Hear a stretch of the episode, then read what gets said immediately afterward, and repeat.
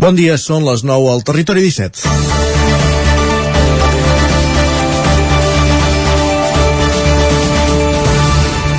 La policia local i els Mossos d'Esquadra van comissar dijous a Manlleu un miler de plantes de marihuana en una nau industrial i van detenir tres persones. És l'última de les operacions que durant l'últim any han permès desmantellar diverses plantacions de cannabis a Osona. Els responsables policials alerten que el cultiu i el tràfic no para de créixer. Ho fa tant a Catalunya que es pot ja considerar el centre del mercat il·legal de cannabis d'Europa.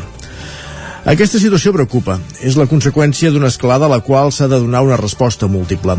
Per les causes, al seu torn, també són múltiples. Des de persones a l'atur que es deixen seduir per una activitat delictiva que genera rendiments econòmics immediats fins a una legislació laxa que provoca una falsa sensació d'impunitat.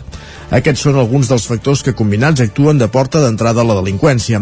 Més de la meitat dels detinguts l'any passat a Catalunya per cultiu o tràfic de marihuana no tenia antecedents. Aquesta dada és especialment dura perquè vol dir que el cannabis és la primera baula de la cadena de la delinqüència. Per això, el que fins ara era considerat eminentment un problema de salut pública, ara s'aborda també com un problema problema de seguretat. Són recurrents els episodis de detencions per agressions, revenges o amenaces en què la marihuana és el detonant. La complexitat d'aquest quadre, sumat al fet que fins i tot en algun cas s'hi han vist involucrats membres de cossos policials, exigeix una resposta contundent i multidisciplinària, policia i policial i judicial de forma reactiva, però també social de forma preventiva. Cal pedagogia per alertar dels perills del consum del cannabis. El Centre d'Atenció i Seguiment de les Drogodependències d'Osona cada any atén casos d'addicció, una de les quals és el cannabis. Aquesta, aquest problema no pot, ser, no pot ser visible, perquè encara que els números semblin petits, existeix i té efectes directes sobre les persones, les famílies i les societats. No es pot abordar el problema només per la conseqüència final, sinó també s'ha d'atacar per la causa inicial. És dimarts, 22 del 2 del 22. Comença el Territori 17 a la sintonia de Ràdio Cardedeu, Ona Codinenca, la veu de Sant Joan, Ràdio Vic, el 9 FM i el 9 TV. Territori 17, amb Isaac Moreno i Jordi Sunyer.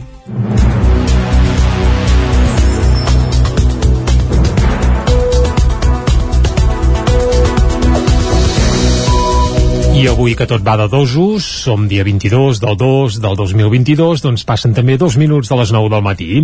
I de seguida el que farem és acostar-vos, com fem sempre, tota l'actualitat de les nostres comarques. Això ho farem durant tota la primera hora i a partir de les 10 actualitzarem el butlletí informatiu i tot seguit anirem cap a l'entrevista. Avui, Isaac, a on? Per parlar amb l'alcalde de Gurb, Josep Casasses, sobre el projecte Prima, el banc de proves que l'Institut Català de Recerca en Energia de Catalunya instal·larà al polígon La Ronda de Gurb. corpo. Doncs els detalls els coneixerem a l'hora de l'entrevista. A dos quarts d'onze serà el moment que ens visitin Guillem Sánchez amb les piulades. Tot seguit anirem a la taula de redacció i avui rebrem la visita de l'Arnau Jaumira. Per conèixer l'actualitat i novetats discogràfiques de la música en català. Això serà una mica abans de les 11. A les 11 actualitzarem butllet informatiu i com que som dimarts vol dir que ens tocarà parlar d'economia. Amb en Joan Carles Arredon, el cap d'Economia del 9-9 del Vallès Oriental, avui per parlar sobre què suposa que s'estigui plantejant una pujada de tipus d'interès que tard o d'hora arribarà per part del Banc Central Europeu. Sí. Doncs el primer que vol dir és que se'ns apujaran les hipoteques als Exacte. Molt bé, i més coses que ens explicarà en Joan Carles Arredondo. A dos quarts de dotze, com cada dia, pujarem al tren, a l'R3, a la Trenc d'Alba, i avui acabarem, com tots els dimarts, amb el racó de pensar. Amb la Maria López des de Ràdio Televisió Cardedeu, avui per parlar amb les impulsores del de projecte de Mot a Mot, Núria Noguera i Ingrid Van Gerpen. Doncs vinga, els detalls del de mot a mot a la part final d'un Territori 17 que ara arrenca, com sempre, fent un repàs a l'actualitat de casa nostra, l'actualitat de les comarques del Ripollès, Osona, el Moianès i el Vallès Oriental. Ahir els parlàvem d'un accident mortal que va tenir lloc dissabte a la C62, l'eix del Lluçanès. Més enllà de les causes concretes d'aquest accident que s'estan investigant, els alcaldes de Lluçanès reclamen millores en aquesta carretera. L'alcalde d'Olost, Josep Maria Freixenet, explica que ha demanat que es reasfalti i se sanegi el ferm en diversos trams i també ha sol·licitat actuacions per millorar la seguretat en relació a la fauna salvatge i els accidents que s'hi han produït, sobretot amb el pas de Port Senglars. Escoltem a Josep Maria Freixenet. Abasten bona part del quilometratge que va del quilòmetre 1 uh, fins al quilòmetre 17-18 eh, que és on s'hi han fet doncs, tota una sèrie de vots, de forats eh, i tot plegat, que això vol dir que es deu haver d'actuar també per sota, eh, per sota el, el mateix ferm, en alguns casos, i sé que s'hi està actuant en aquests moments en els talussos, i després en tot el que és la fauna sí que hi ha uns punts molt eh, més concrets de pràcticament de l'1 fins al 12, que és allà on a mi em consten eh, més ensurts eh, en aquest sentit. Una altra de les problemàtiques generals de la via és l'accés de velocitat i la presència de molts trencants no sempre prou ben senyalitzats, ho explica l'alcalde de Prats, Jordi Bruc. És una carretera on hi passa trànsit, hi passa molt de trànsit, eh, eh, es corre, la veritat és que eh, es corre, i és una carretera doncs, de, es pot dir fa menys d'una dècada que, que funciona i que sí que té problemàtiques amb, amb els, sobretot en els accessos de les vies doncs, que acaben sent ramals d'aquestes, no? els trencants doncs, per entrar a municipis, els trencants per anar a diferents carreteres com la de Perafita, com la de Sant Bartomeu, com la d'Uristà, a l'eix del Lluçanès, que comunica Osona amb el Berguedà travessant la subcomarca del Lluçanès, el límit de velocitat està fixat en els 90 km per hora. Condemnat a dos anys de presó el conductor de Berlín que va atropellar mortalment un jove de ceba i tres persones més l'any 2019. Se'l processa per quatre homicidis negligents i haurà de pagar 15.000 euros a una associació sense ànim de lucre. El Tribunal Regional de Berlín ha condemnat a dos anys de presó el conductor que va atropellar mortalment quatre persones el 2019 a Berlín. Entre les víctimes hi havia un jove de ceba, a l'eix Gorgs, de 28 anys, i el seu xicot anglès, de 29. El conductor se l'ha condemnat per quatre homicidis negligents i un delicte de conducció negligent i no entrarà a presó si no delinqueix durant els pròxims 4 anys. A més de retirar-li dos anys al carnet, també haurà de pagar 15.000 euros a una associació sense ànim de lucre que treballi amb la seguretat dels vianants. Els pares del jove de Ceba han rebut la notícia amb molta decepció, però ja han decidit que no seguiran batallant i admeten que els 4 mesos que ha durat el judici han sigut molt durs. El, el conductor condemnat, de 42 anys, s'enfrontava a 5 anys de presó per 4 homicidis negligents. Segons detall el diari alemany Spiegel, el jutge ha conclòs que l'home no hauria d'haver conduït aquell dia. Un any abans li van descobrir un tumor cerebral i al maig del 2019 va tenir la seva primera crisi epilèptica mentre dormia. Quan va anar d'urgències i també després que li extirpessin el tumor l'agost del 2019, explica el diari, ja se li va informar que no podia conduir durant les següents següents quatre setmanes, però l'acusat ha defensat sempre que els metges no li havien dit tan clarament. Josep Gorgs i Glòria Rovira, pares del noi de Ceba que va morir, ja no volen batallar més i se senten molt decebuts amb la justícia alemanya. Els quatre mesos que ha durat el judici han estat molt llargs pel matrimoni, que ho ha tornat a reviure tot. Ara volen passar pàgina i continuar amb el seu dol de Ceba cap a Ripoll. El carrer Fuensanta passa a dir-se carrer dels ferroviaris per una majoria de 33 dels 57 veïns que van votar en el canvi de nom. Isaac Muntades, des de la veu de Sant Joan.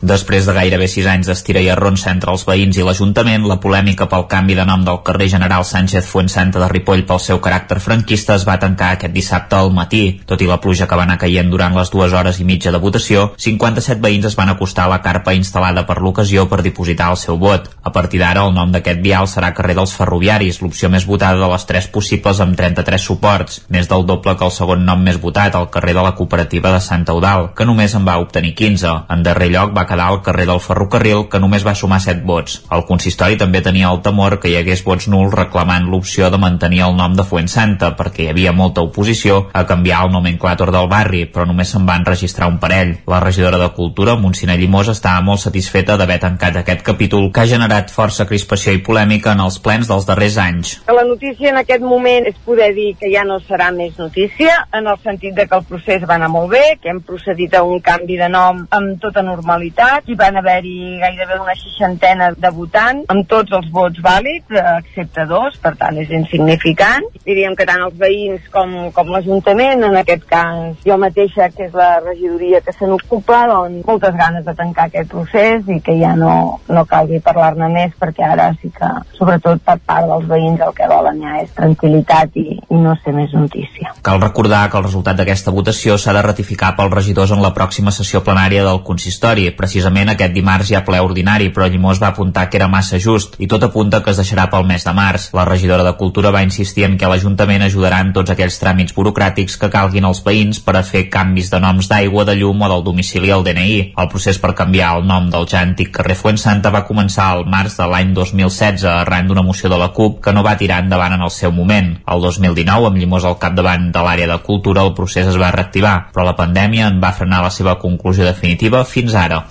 Més qüestions, anem fins a Cardeu perquè el ple del mes de gener ha aprovat el pla director d'Albert Urbà amb propostes per fer una gestió moderna i òptima dels espais verds. El pla es va presentar la setmana passada a la ciutadania perquè tothom conegui, en conegui els detalls.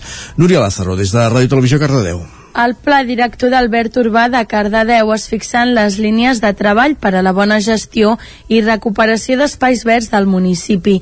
El pla, elaborat per la Diputació de Barcelona amb la col·laboració del personal tècnic municipal, incorpora un inventari detallat d'Albert Urbà en diagnòstic a l'estat global i defineix criteris de manteniment i gestió, així com un pla per a la millora i la consolidació. Un cop aprovat inicialment, el pla se sotmet a informació pública durant durant 30 dies.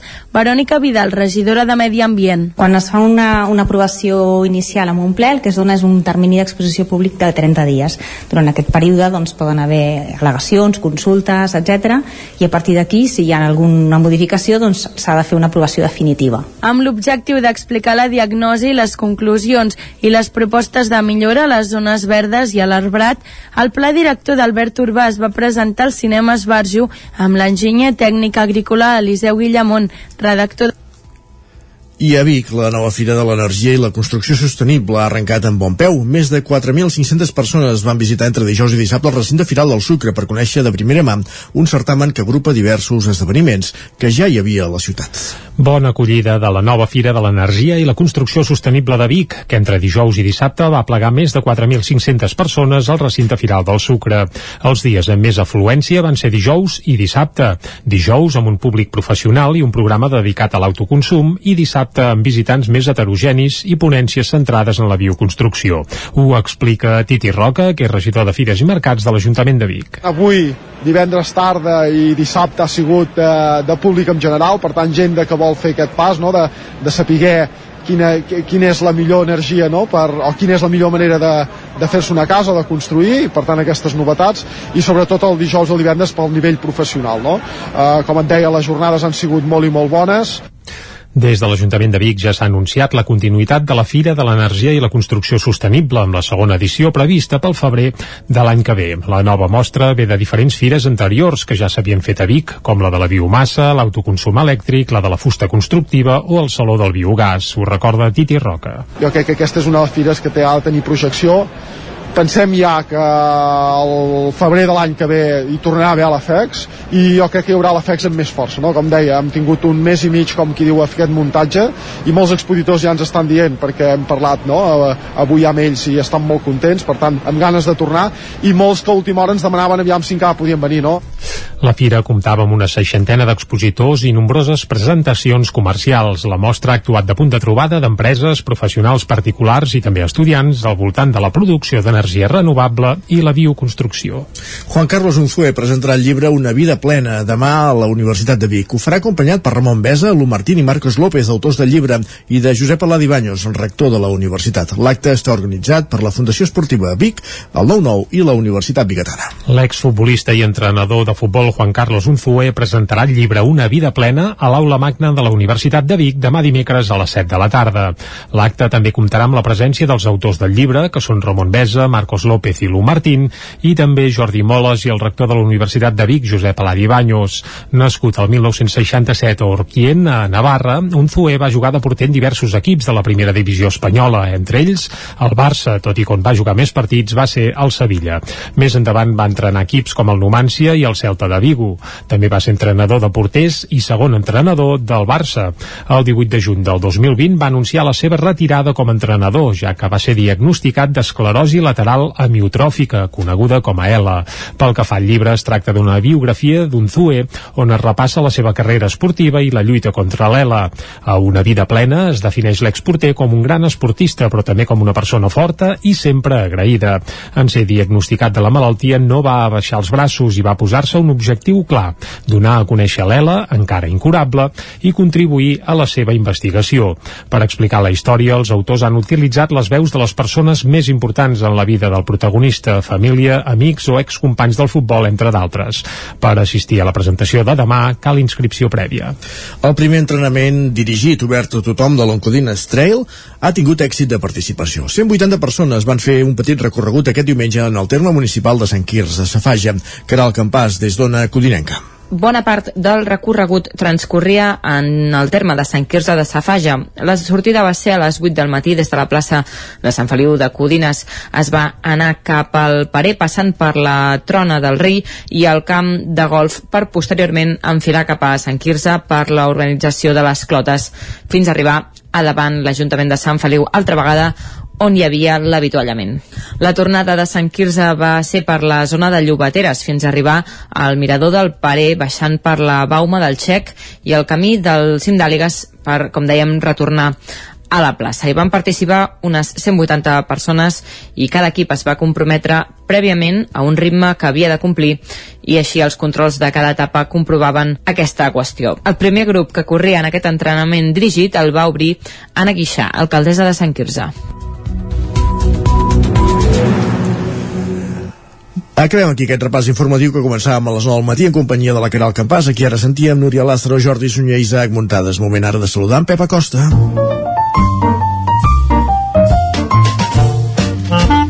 Casa Terradellos us ofereix el temps. En Pep Acosta, que ens parla sempre del temps, però avui també ens parla d'un incendi que encara crema a, a l'Alt Empordà, a Roses, a, a falta de... bé, de gaire moviment meteorològic. A vegades amb en Pep anem per les branques. Pep, molt bon dia. Hola, molt bon dia. Molt bona hora. Ja estem aquí a l'espai del temps, un dia més. I tant. Què tal? Bé. Com va la setmana? Com ha començat? Espero que eh, vagi tot bé, eh? I que podeu tenir una molt bona setmana. Uh, pel que fa al temps es veia venir eh, tenim un important un important foc a la, a la Costa Brava. A Roses, sí. a, a la zona de Roses. Uh -huh. Uh, es veia venir, es veia venir uh, la situació és com ja fa dies que dic, és molt pesat però és, és preocupant, molt preocupant. I es veia venir un foc com aquest. Uh, a més bufa bufa una forta muntana a la zona que encara dificulta més l'extinció del foc i per tant la, la situació és, és preocupant, eh? molt preocupant. Eh, l'última hora eh, diu que hi ha dos terceres parts ja del foc controlat. Eh, veurem, veurem què acaba passant. Però hi ha un incendi de, de, de categoria bastant important i molt, eh, molt, molt important, eh? hi ha més de 40 dotacions fresques treballant, ara suposo que els mitjans aèris ja s'incorporaran però bueno, uh, veurem, veurem què acaba passant.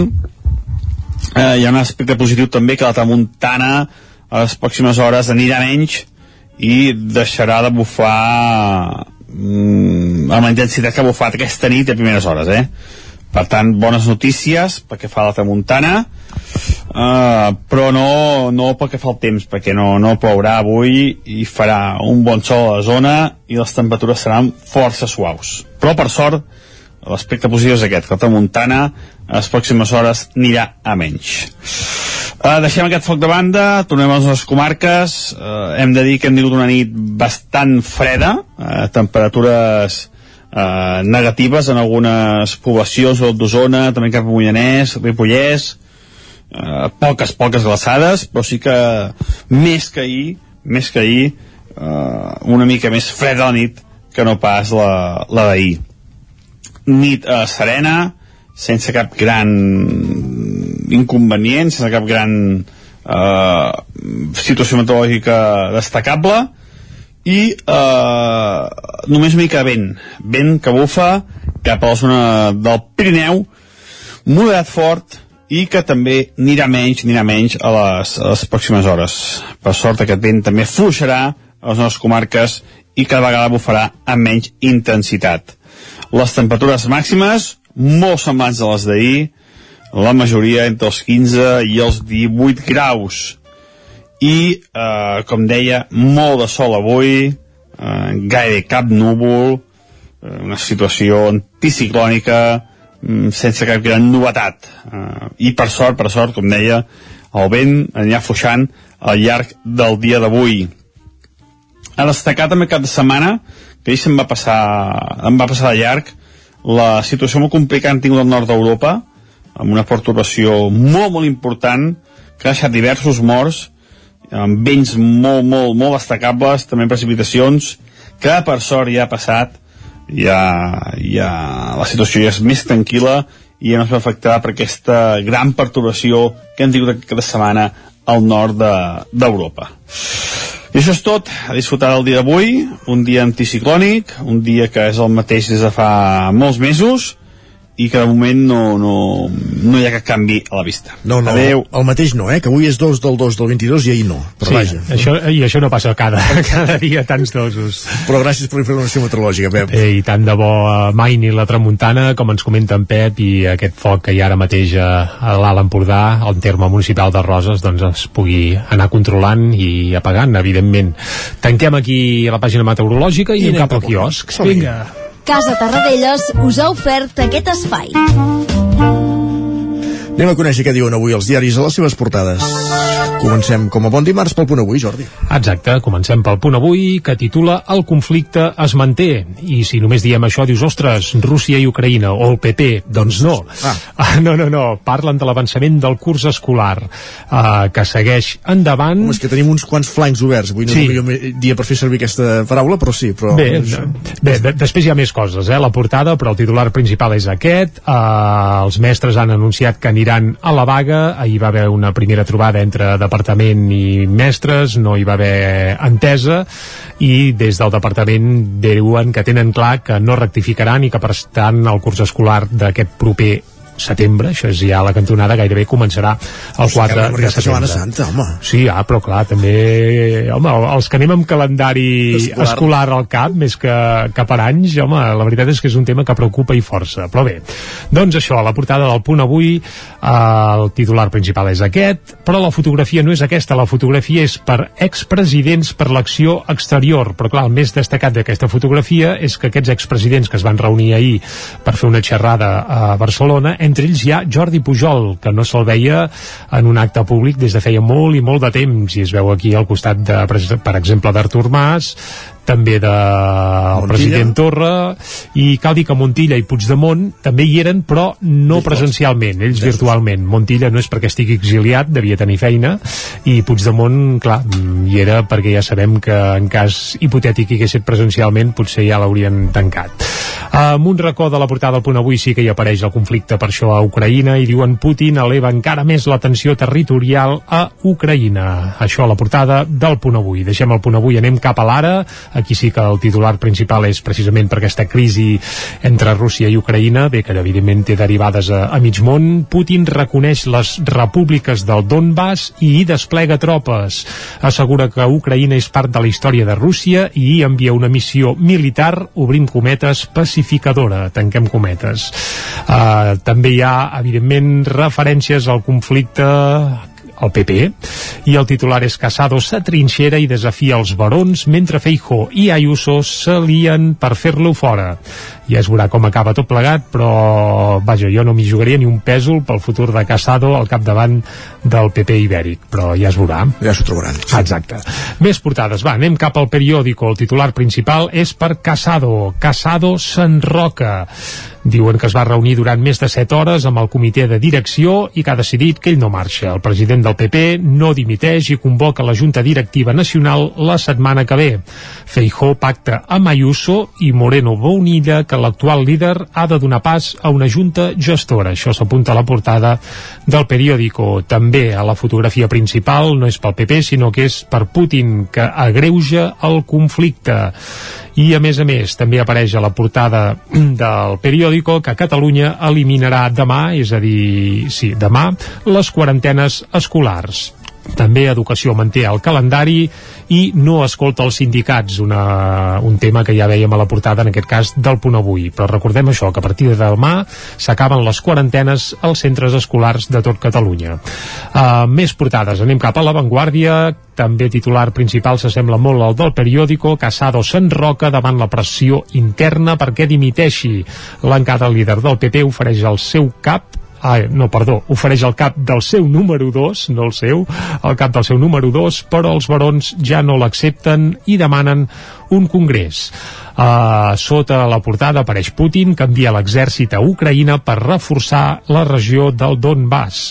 Això diuen a la portada de l'avantguàrdia i també l'Església crea un pla antiabusos al marge del govern central.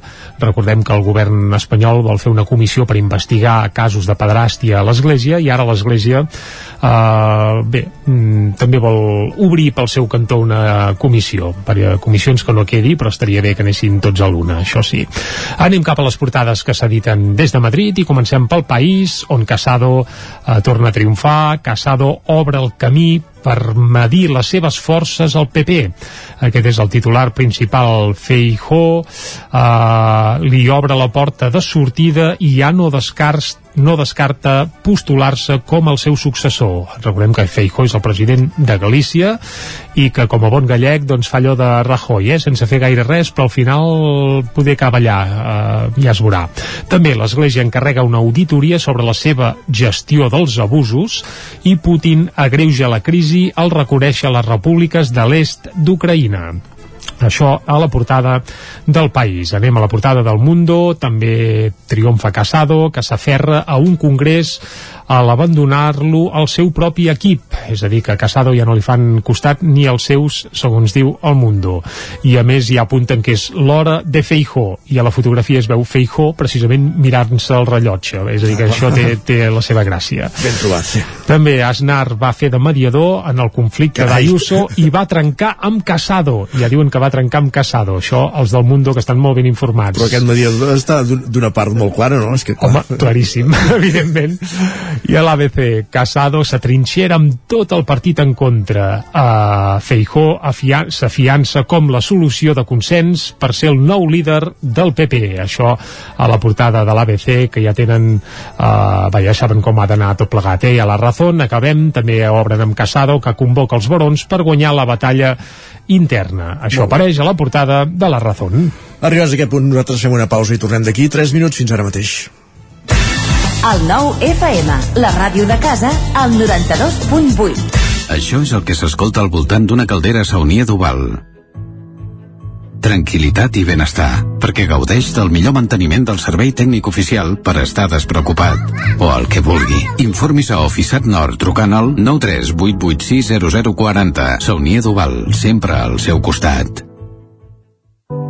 Cobertes serveis funeraris. Els nostres tanatoris estan ubicats en els nuclis urbans més poblats de la comarca d'Osona per oferir un millor servei. Tanatori de Vic, Tanatori de Manlleu, Tanatori de Centelles i Tanatori de Roda de Ter. Sabem que són moments difícils i per això el nostre compromís és atendre-us en tot moment amb un tracte humà, sensible i respectuós. Cobertes serveis funeraris. Telèfon 24 hores 93 883 23 46. Cefosol, centre de formació de soldadura GURB. Som especialistes en processos de soldadura. Disposem d'instal·lacions totalment equipades per a classes de teòrica i pràctica amb cabines individuals i equipaments de seguretat. Assessorem empreses i oferim cursos subvencionats i bonificats. Vine i t'informarem. Cefosol, som al carrer Sant Roc, número 9 de GURB. Telèfon 664 206 192. També ens trobaràs a cefosol.com i a YouTube. Gràfics Air, el seu proveïdor global en rotulació i impressió digital. Oferim servei de disseny, producció i instal·lació de qualsevol projecte en rotulació industrial i comercial. Rètols corporis, senyalització preventiva, senyalització viària, senyalització interior de naus, vinils decoratius per a oficines i establiments comercials, rotulació de vehicles... Confia en els serveis que li pot oferir Gràfics Air. Ens trobarà al carrer Lleida 39 de Vic o a gràficsair.com. Thank you. Mmm, quan fa que no menges pluma ibèrica de Salamanca i xuletilles de lechal a la brasa amb una bona amanida? Oh, i un xuletón de vedella gallega? O lechazo de Castilla al forn? Ah, i botillo del Bierzo amb catxelos i col? Ei, i cochinillo a l'estil de Segòvia, i tot acompanyat d'un bon celler. Oh, i uns bons serranitos de pollastre, de llom, d'hamburguesa, del que tu vulguis. Per menjar la millor cuina de lleó sense moure't de casa, vine a El Racó de León. Fem cuina tradicional lleonesa i de mercat. Vine amb la família, amb els amics, amb la parella o sol. T'encantarà. El racó de León. Som al carrer Torelló 35 de Vic. Reserves 93 889 1950. Tanquem els dimarts. El racó de León. Vine a tastar una cuina diferent. Anuncia't al 9FM. La màquina de casa. 9 3 8 8 9 4 9 4 9 Publicitat arroba al 9FM.cat. Anuncia't al 9FM. La publicitat més eficaç. El 9FM. En punt ara mateix, dos quarts de deu al territori 17. Territori 17, amb Isaac Moreno i Jordi Sunyer.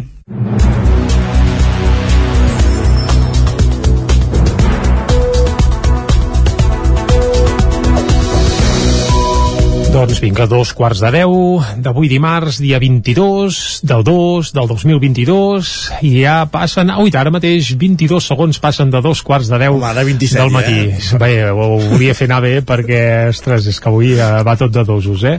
Uh, va, i de seguida, d'aquí res, dos minutets, uh, us tornarem a acostar a l'actualitat de les nostres comarques i això ho farem fins una mica abans de les 10, un pèl abans de les 10 arribarà música i avui escoltarem una peça eh, del que jo qualificaria com segurament un dels millors discos que s'han enregistrat mai en directe a les nostres contrades i podríem dir arreu del món. Carai. Ahir va fer 30 anys de, de l'enregistrament d'aquest disc en un mític concert eh, que va tenir lloc a la sala Celeste, encara es deia Celeste a Barcelona descobrirem de qui es tracta, d'aquí res, d'aquí mitjoreta. És d'una banda de l'Empordà o... No, no, no però gironina. Gironina, d'acord. Té un estany a tocar. Entesos. D'acord, ara ja sé per on vas. Ja saps per on vas, va. Sí, sí, és uh, és una de les meves debilitats i espero que... El Nexus els hi vist jo, eh? Ai, jo també. però Celeste també. És a dir, que ja fa 30 anys d'allò, però vaja. Uh, descobrirem de qui es tracta, això, d'aquí una estoneta. A les 10 actualitzarem butlletí informatiu i a l'entrevista, Isaac, anirem cap a Gurb, oi? Per parlar amb el seu alcalde, amb en Josep Casases, sobre el projecte Prima, aquest banc de proves que l'Institut de Recerca en Energia de Catalunya instal·larà al polígon de la Ronda de Gurb. És un projecte que neix de, de la unió de diverses administracions, Ajuntament de Vic, Ajuntament de Gurb, Consell Comarcal d'Osona, el Departament d'Acció Climàtica i la Universitat de Vic, i que del qual dijous s'assignava l'acord perquè tiri endavant i en els propers mesos l'han de veure néixer i créixer. I en parlarem avui, com dèiem, amb l'alcalde de Gurb. Més coses, a dos quarts d'onze serà el moment de les piulades, amb la visita d'en Guillem Sánchez aquí als estudis del nou FM. Tot seguit passarem per la taula de redacció i després més música. Avui amb l'Arnau Jomira parlarem de música en català, de la que es fa a casa nostra i ens portarà algunes novetats. Més coses, a les 11 de nou actualitzarem el butllet informatiu i tot seguit, com que és dimarts, parlarem d'economia. Amb en Joan Carles Arredondo, el cap d'Economia del 9-9 del Vallès Oriental, avui parlarem de la pujada dels tipus d'interès que, que tenim a la, a la cantonada, a la cantonada sí, es veu, es veu venir, i tant. Més coses, a la darrera mitja hora, com sempre, arribarà el moment d'anar a la R3, a la Trenc d'Alba, i acabarem, avui que és dimarts, amb el racó de pensar. Amb la Maria López, des de Ràdio Televisió Cardedeu, avui per parlar amb les seves impulsores, Núria Noguera i Ingrid Van Gerben, del projecte de Mot en Mot. Doncs vinga, de mot a mot, i tirarem perquè ens toca, però de moment el que farem és acostar-vos, com fem sempre, a l'actualitat de casa nostra, l'actualitat de les comarques del Ripollès, Osona, el Moianès i el Vallès Oriental. Ahir els parlàvem d'un accident mortal que va tenir lloc dissabte a la C-62, l'eix del Lluçanès. Més enllà de les causes concretes d'aquest accident que s'estan investigant, els alcaldes de Lluçanès reclamen millores en aquesta carretera.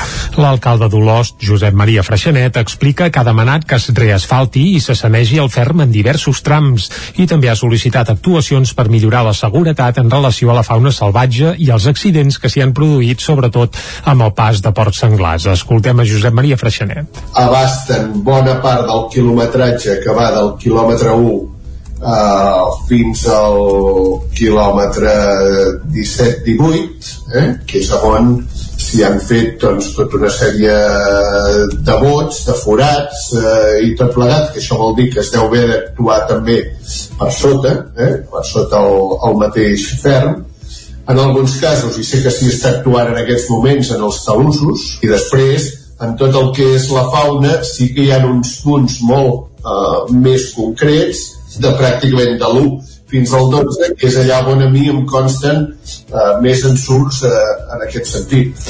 Una altra de les problemàtiques generals a la via és l'accés de velocitat i la presència de molts trencants no sempre prou ben senyalitzats, ho explica l'alcalde de Prats, Jordi Bruc.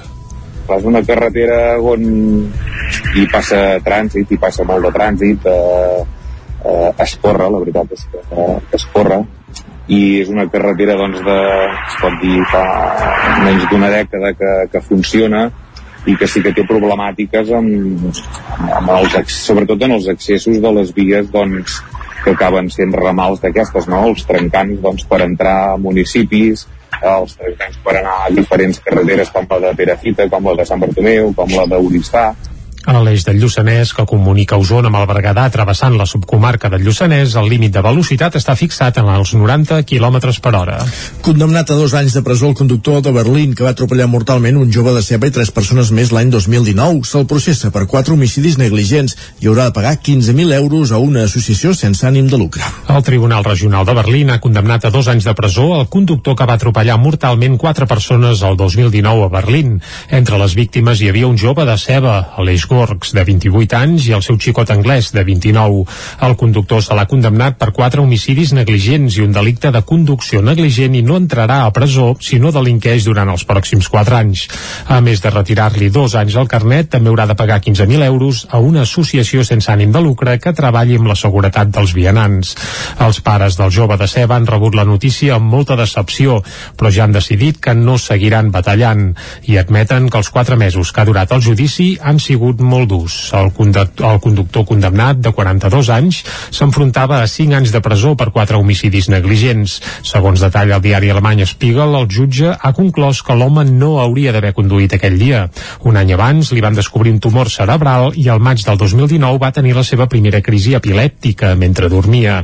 Quan va anar d'urgències i també després que li extirpessin el tumor l'agost del 2019, explica el diari, ja se li va informar que no podia conduir durant les següents següents quatre setmanes, però l'acusat ha defensat sempre que els metges no li havien dit tan clarament. Josep Gorgs i Glòria Rovira, pares del noi de Ceba que va morir, ja no volen batallar més i se senten molt decebuts amb la justícia alemanya. Els quatre mesos que ha durat el judici han estat molt llargs pel matrimoni, que ho ha tornat a reviure tot. Ara volen passar pàgina i continuar amb el seu dol.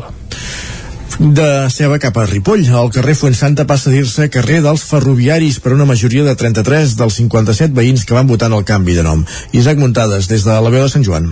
Després de gairebé sis anys d'estira i arronsa entre els veïns i l'Ajuntament, la polèmica pel canvi de nom del carrer General Sánchez Fuensanta de Ripoll pel seu caràcter franquista es va tancar aquest dissabte al matí. Tot i la pluja que va anar caient durant les dues hores i mitja de votació, 57 veïns es van acostar a la carpa instal·lada per l'ocasió per dipositar el seu vot. A partir d'ara, el nom d'aquest vial serà carrer dels Ferroviaris, l'opció més votada de les tres possibles amb 33 suports, més del doble que el segon nom més votat, el carrer de la cooperativa de Sant Eudal, que només en va obtenir 15. En darrer lloc va quedar al carrer del ferrocarril, que només va sumar 7 vots. El consistori també tenia el temor que hi hagués vots nuls reclamant l'opció de mantenir el nom de Fuensanta, perquè hi havia molta oposició a canviar el nomenclàtor del barri, però només se'n van registrar un parell. La regidora de Cultura, Montserrat Llimós, estava molt satisfeta d'haver tancat aquest capítol que ha generat força crispació i polèmica en els plens dels darrers anys. La notícia en aquest moment és poder dir que ja no serà més notícia, en el sentit de que el procés va anar molt bé, que hem procedit a un canvi de nom amb tota normalitat, i van haver-hi gairebé una seixantena de votants amb tots els vots vàlids,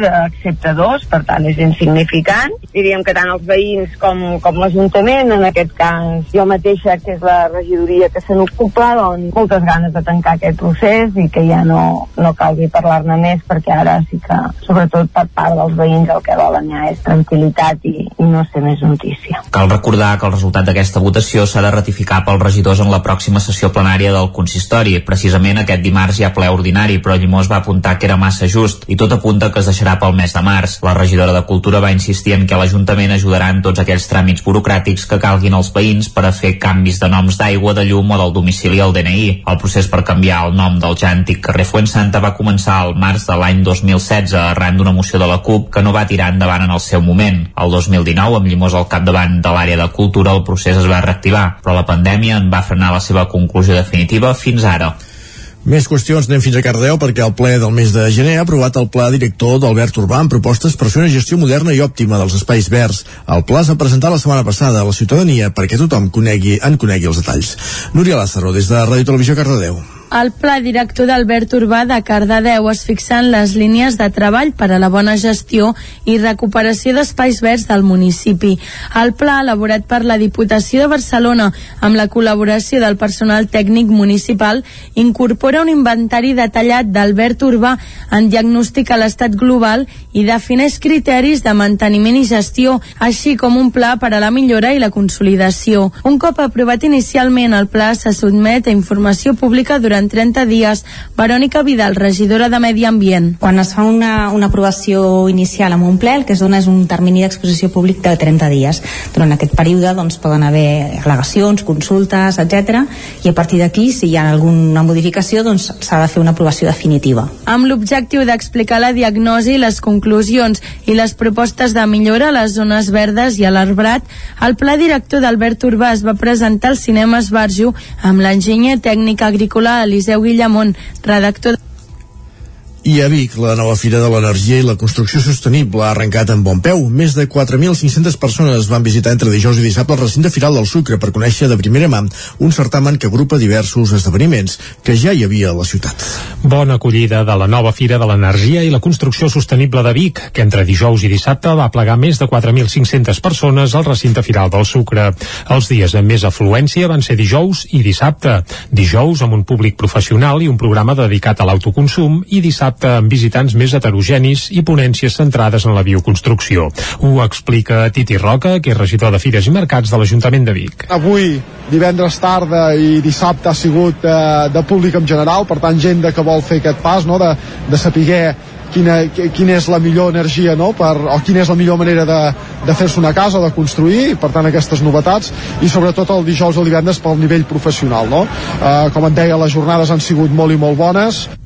Des de l'Ajuntament de Vic ja s'ha anunciat la continuïtat de la Fira de l'Energia i la Construcció Sostenible amb la segona edició prevista pel febrer de l'any que ve. La nova mostra ve de diferents fires anteriors que ja s'havien fet a Vic, com la de la biomassa, l'autoconsum elèctric, la de la fusta constructiva o el Saló del Biogàs. Ho recorda Titi Roca. Jo crec que aquesta és una de les fires que té, de tenir projecció pensem ja que el febrer de l'any que ve hi tornarà a haver l'AFEX i jo crec que hi haurà l'AFEX amb més força, no? com deia, hem tingut un mes i mig com qui diu aquest muntatge i molts expositors ja ens estan dient perquè hem parlat no? avui amb ells i estan molt contents, per tant amb ganes de tornar i molts que a última hora ens demanaven aviam si encara podien venir, no?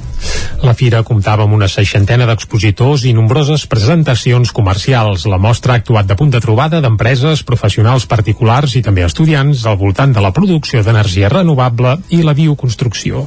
Juan Carlos Unzué presentarà el llibre Una vida plena demà a la Universitat de Vic. Ho farà acompanyat per Ramon Besa, Lu Martín i Marcos López, autors del llibre, i de Josep Aladi Baños, rector de la universitat. L'acte està organitzat per la Fundació Esportiva Vic, el 9-9 i la Universitat Bigatana. L'exfutbolista i entrenador de futbol Juan Carlos Unzué presentarà el llibre Una vida plena a l'aula magna de la Universitat de Vic demà dimecres a les 7 de la tarda.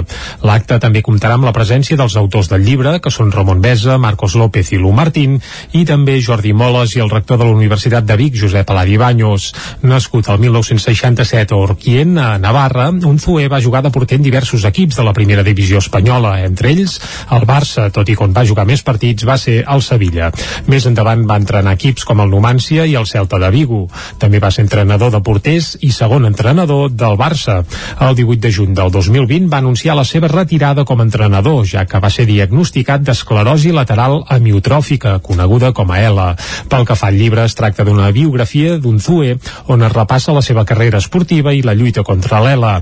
A una vida plena es defineix l'exporter com un gran esportista, però també com una persona forta i sempre agraïda.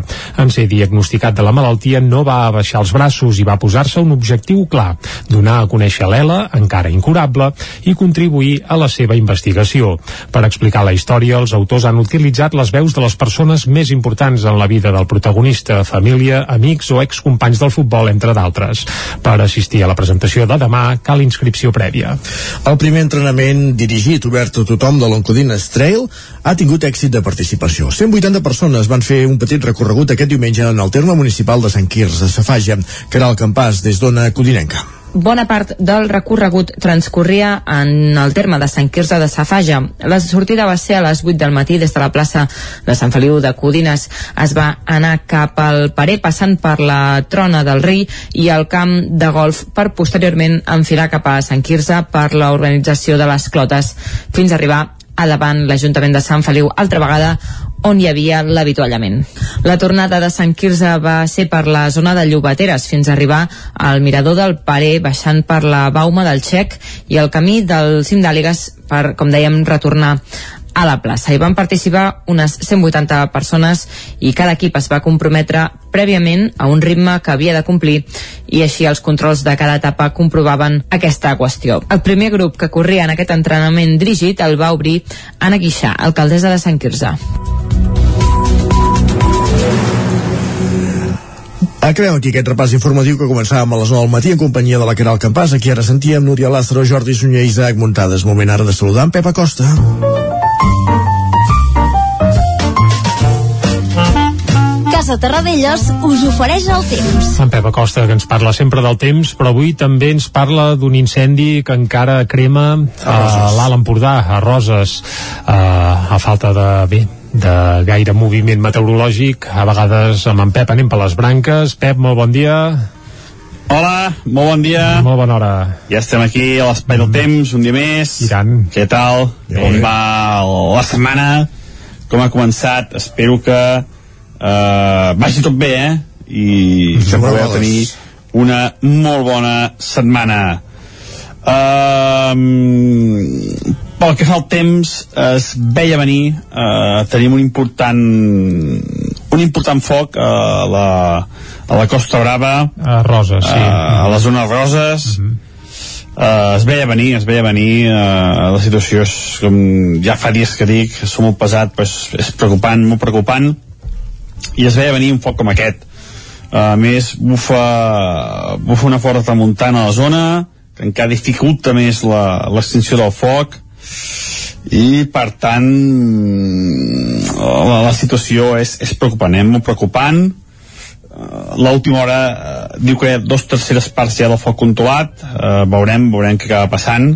Però hi ha un incendi de, de, de categoria bastant important i molt, eh, mo- molt important, eh? hi ha més de 40 dotacions fresques treballant, ara suposo que els mitjans aèris ja s'incorporaran, però bueno, eh, veurem, veurem què acaba passant. Eh, hi ha un aspecte positiu també que la tramuntana a les pròximes hores anirà menys i deixarà de bufar mm, amb la intensitat que ha bufat aquesta nit a primeres hores, eh? Per tant, bones notícies perquè fa la tramuntana, uh, però no, no pel que fa al temps, perquè no, no plourà avui i farà un bon sol a la zona i les temperatures seran força suaus. Però, per sort, l'aspecte positiu és aquest, que la tramuntana a les pròximes hores anirà a menys. Uh, deixem aquest foc de banda, tornem a les comarques. Uh, hem de dir que hem tingut una nit bastant freda, uh, temperatures uh, negatives en algunes poblacions d'Osona, també cap a Mollanès, Ripollès, uh, poques, poques glaçades, però sí que més que ahir, més que ahir, uh, una mica més freda la nit que no pas la, la d'ahir. Nit uh, serena, sense cap gran inconvenient, sense cap gran eh, situació meteorològica destacable i eh, només mica vent vent que bufa cap a la zona del Pirineu moderat fort i que també anirà menys, anirà menys a les, a les pròximes hores. Per sort aquest vent també fluixarà a les nostres comarques i cada vegada bufarà amb menys intensitat.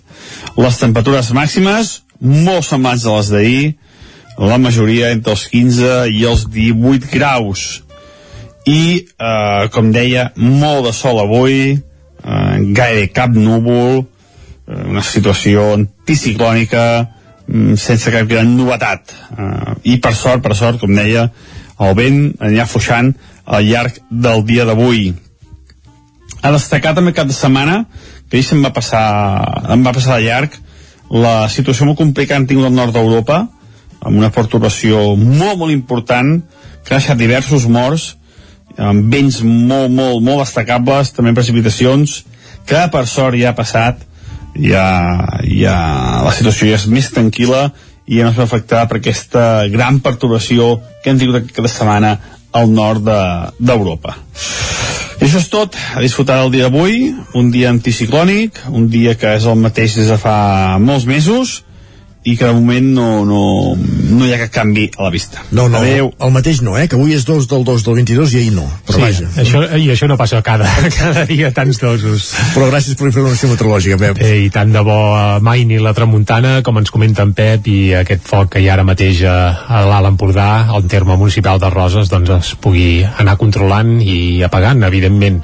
Tanquem aquí la pàgina meteorològica i, I anem cap al quiosc. Vinga.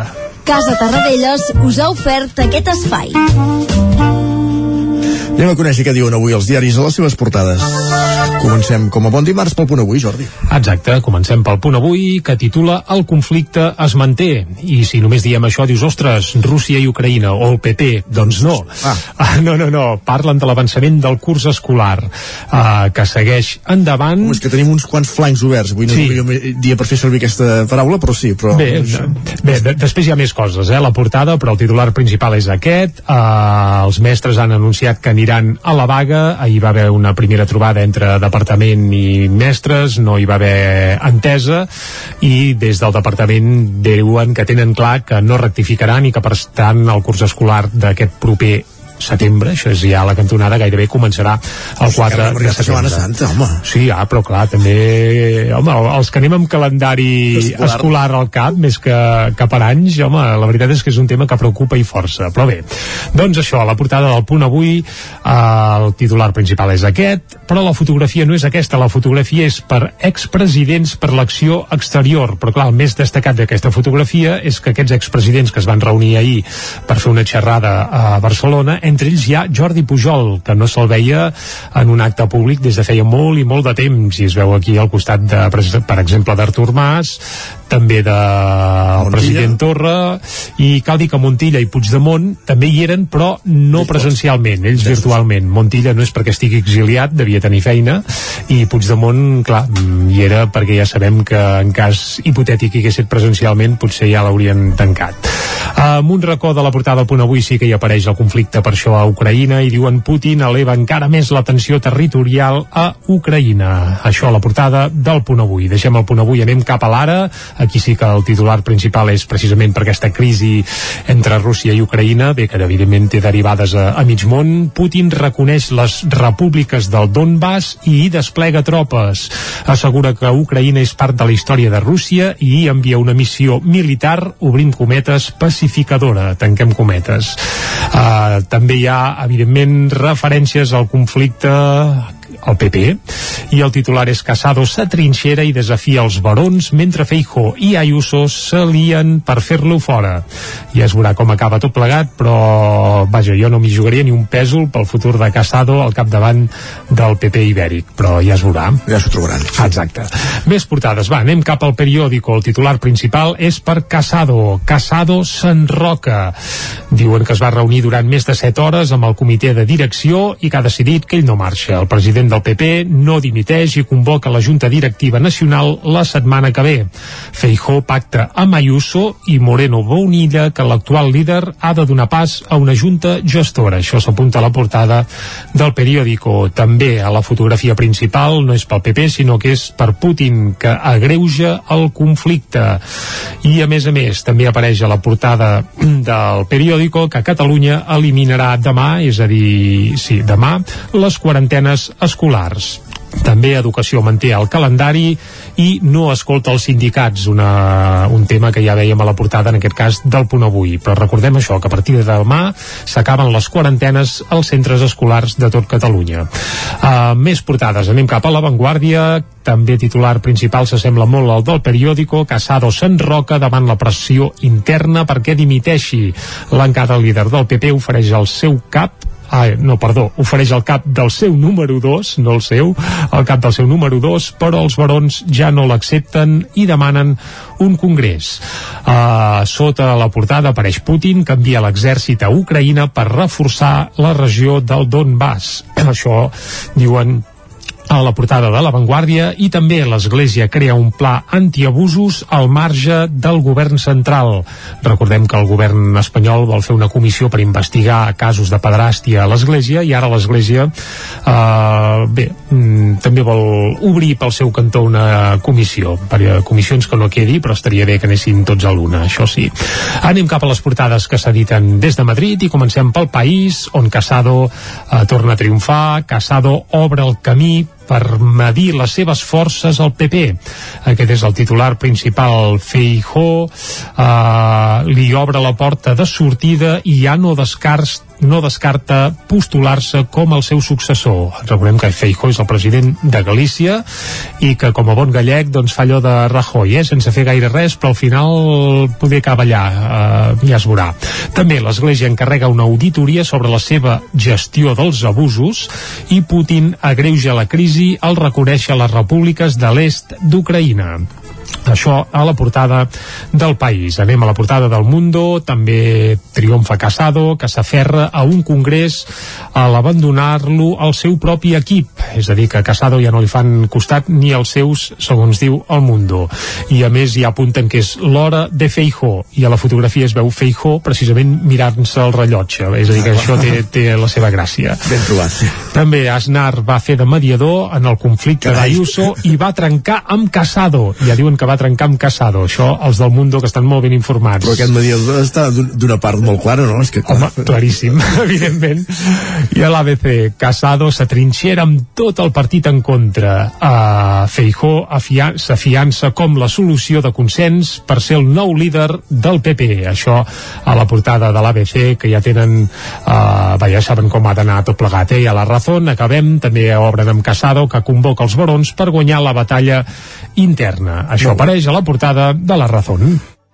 Eh, doncs, doncs déu les portades. Bé. Sí, sí, sí, home, Casado evidentment és protagonista, eh? Si féssim cas allò de que parlin de tu encara que sigui bé, malament sí. és evident que, jo, que, que jo, jo, jo ja vaig molt més allà i em sap molt greu per al pobre Feijó, perquè si, si ara el posen de, de capitost, ja se sap com acabarà aquest senyor, perquè tard o d'hora torna a haver-hi conflicte amb l'Ayuso, però vaja.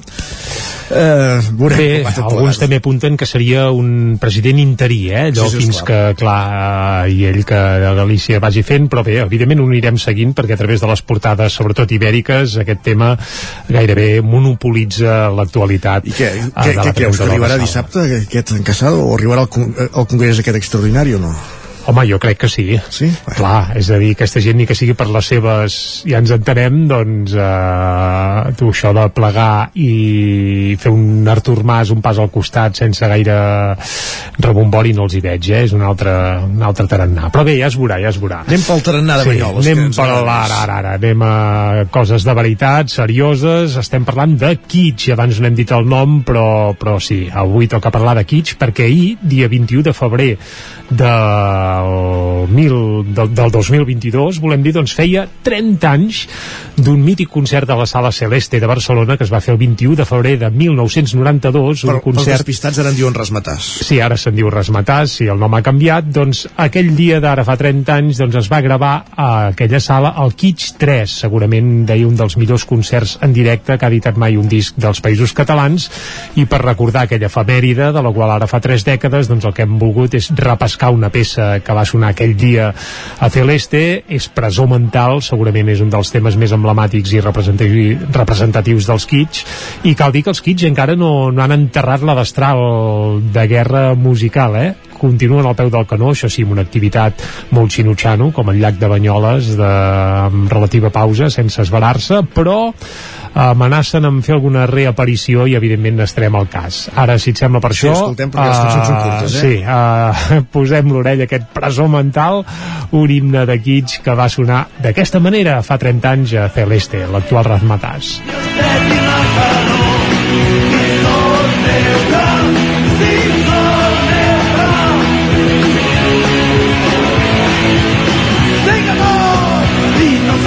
i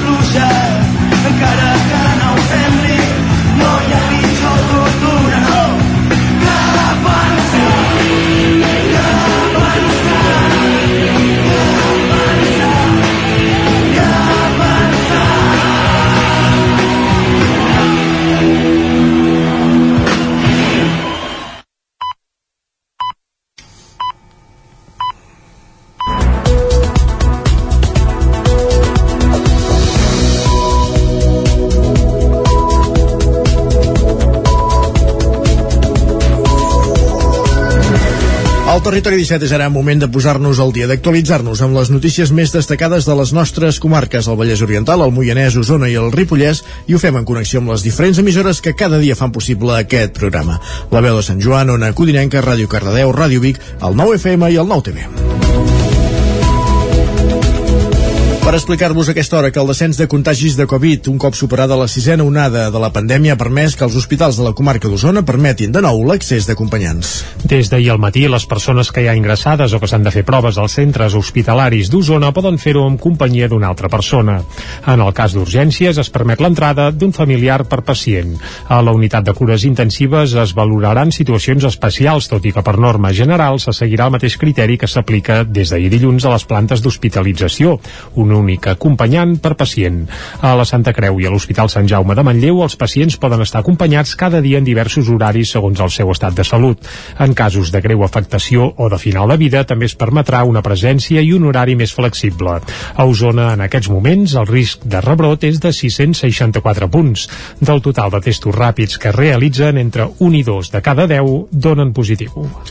Dos encaputxats atraquen l'oficina de CaixaBank a Freda. Els lladres portaven almenys una arma de foc. S'investiga si era simulada o real i van aconseguir fugir amb un botí de 2.500 euros. Dues persones encaputxades van assaltar divendres passat pels vols de les dues del migdia a l'oficina de CaixaBank situada al carrer Major d'Aigua Freda, a pocs metres de l'Ajuntament i de la plaça on durant el matí es feia precisament el mercat setmanal.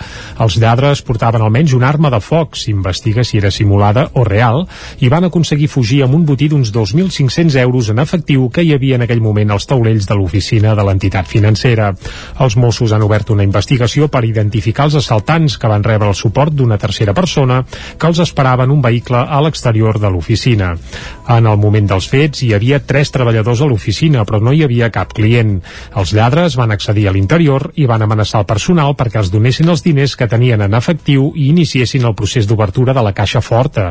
Un dels empleats va poder alertar una persona i aquesta va avisar els Mossos. Mossos. A la vegada, la policia catalana va traslladar l'alerta als vigilants municipals d'Aigua Freda, que tenen l'oficina a pocs metres d'on hi ha eh, CaixaBank, precisament. Els dos guàrdies es van dirigir a peu cap al lloc i en adonar-se de l'arribada dels vigilants, els lladres van precipitar la fugida sense aconseguir ampliar el botí. Els assaltants van apuntar amb una arma de foc als vigilants i un d'ells els va cridar perquè s'apartessin del mig. Els vigilants, que no van armats, no van intervenir i els dos homes van poder pujar al vehicle i fugir pel carrer Major en direcció nord i haurien fugit del poble incorporant-se a la C-17 en direcció a Barcelona. El turisme que van fer servir per escapar havia estat robat dijous de la setmana anterior a Santa Perpètua de Moguda, al Vallès Occidental. Els Mossos van muntar dispositius de control a la C-17 per intentar localitzar el vehicle, però de moment no han tingut èxit. I més robatoris perquè un grup de joves amb guants i encaputxats van intentar entrar a robar diumenge a la matinada a la farmàcia Besora, un establiment situat al carrer del Pont de Sant Quirze, de Besora. Les càmeres de videovigilància van captar com un grup de joves va intentar obrir la reixa de la farmàcia, però després d'uns quants intents van acabar desistint. De tot plegat se'n va sentar, se'n va assabentar el propietari, Eric Besora, ahir al matí, quan a l'arribar a la farmàcia va trobar la porta forçada. Després de revisar les imatges, va avisar els Mossos d'Esquadra. La mateixa matinada a Sant Quirze hi va haver un robatori amb força que sí que es va poder consumar. Va ser el restaurant Cala Càndida. Els Mossos d'Esquadra han obert una investigació i per ara no hi ha detinguts. La primera reunió de la taula de comerç de Caldes de Montbui d'aquest any defineix les accions per promoure el comerç local.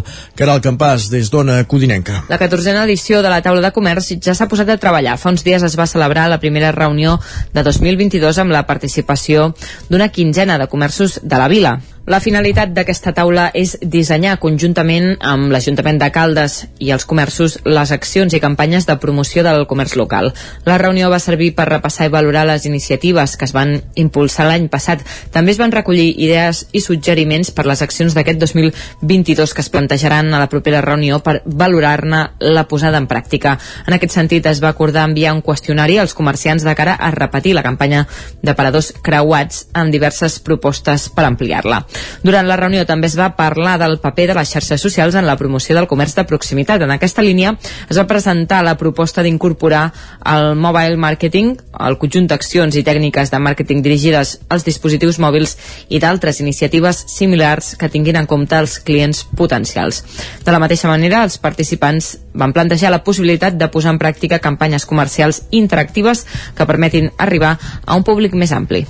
Es presenta a Sant Joan de les Abadesses un projecte per millorar la salut i prevenir la dependència de la gent gran. Isaac Muntades, des de la veu de Sant Joan. I aquest dimarts, a dos quarts de deu del matí, el Centre Cívic del Palmàs de Sant Joan de les Abadeses acollirà la sessió informativa del projecte Amicope Vivifrail, que pretén millorar la salut i prevenir la dependència de la gent gran i que està dirigit a persones de més de 65 anys. Aquest projecte transfronterer, en què també hi participen territoris de l'estat espanyol com Navarra, la ciutat francesa de Tolosa o Andorra, està impulsat per Benestar Social, la Fundació Salut i Envelliment de la UAP i l'Institut Català de Salut a través dels equips d'atenció primària. L'àrea bàsica de salut Ripoll Sant Joan Camprodon hi participa des de fa 3 anys. I COPE serien les cicles en anglès de la intervenció per multicomponent per a persones fràgils i vol saber quines activitats s'han de dirigir a la població de la tercera edat en l'estadi previ a la dependència. La Junta de Direcció de l'ABS de Ripoll Sant Joan Camprodon, Susana Prat, explicava quines millores poden percebre aquestes persones grans. L'evidència científica ens mostra que quan una persona està en un estadi de fragilitat, que nosaltres entendríem com que les seves capacitats físiques, psicològiques, quan aquesta capacitat va minvant amb l'edat, tot i que la persona encara no percebi que té una limitació, és un bon moment per indicar a aquesta persona una sèrie d'activitats que enforteixin aquesta capacitat. I l'evidència ens mostra que si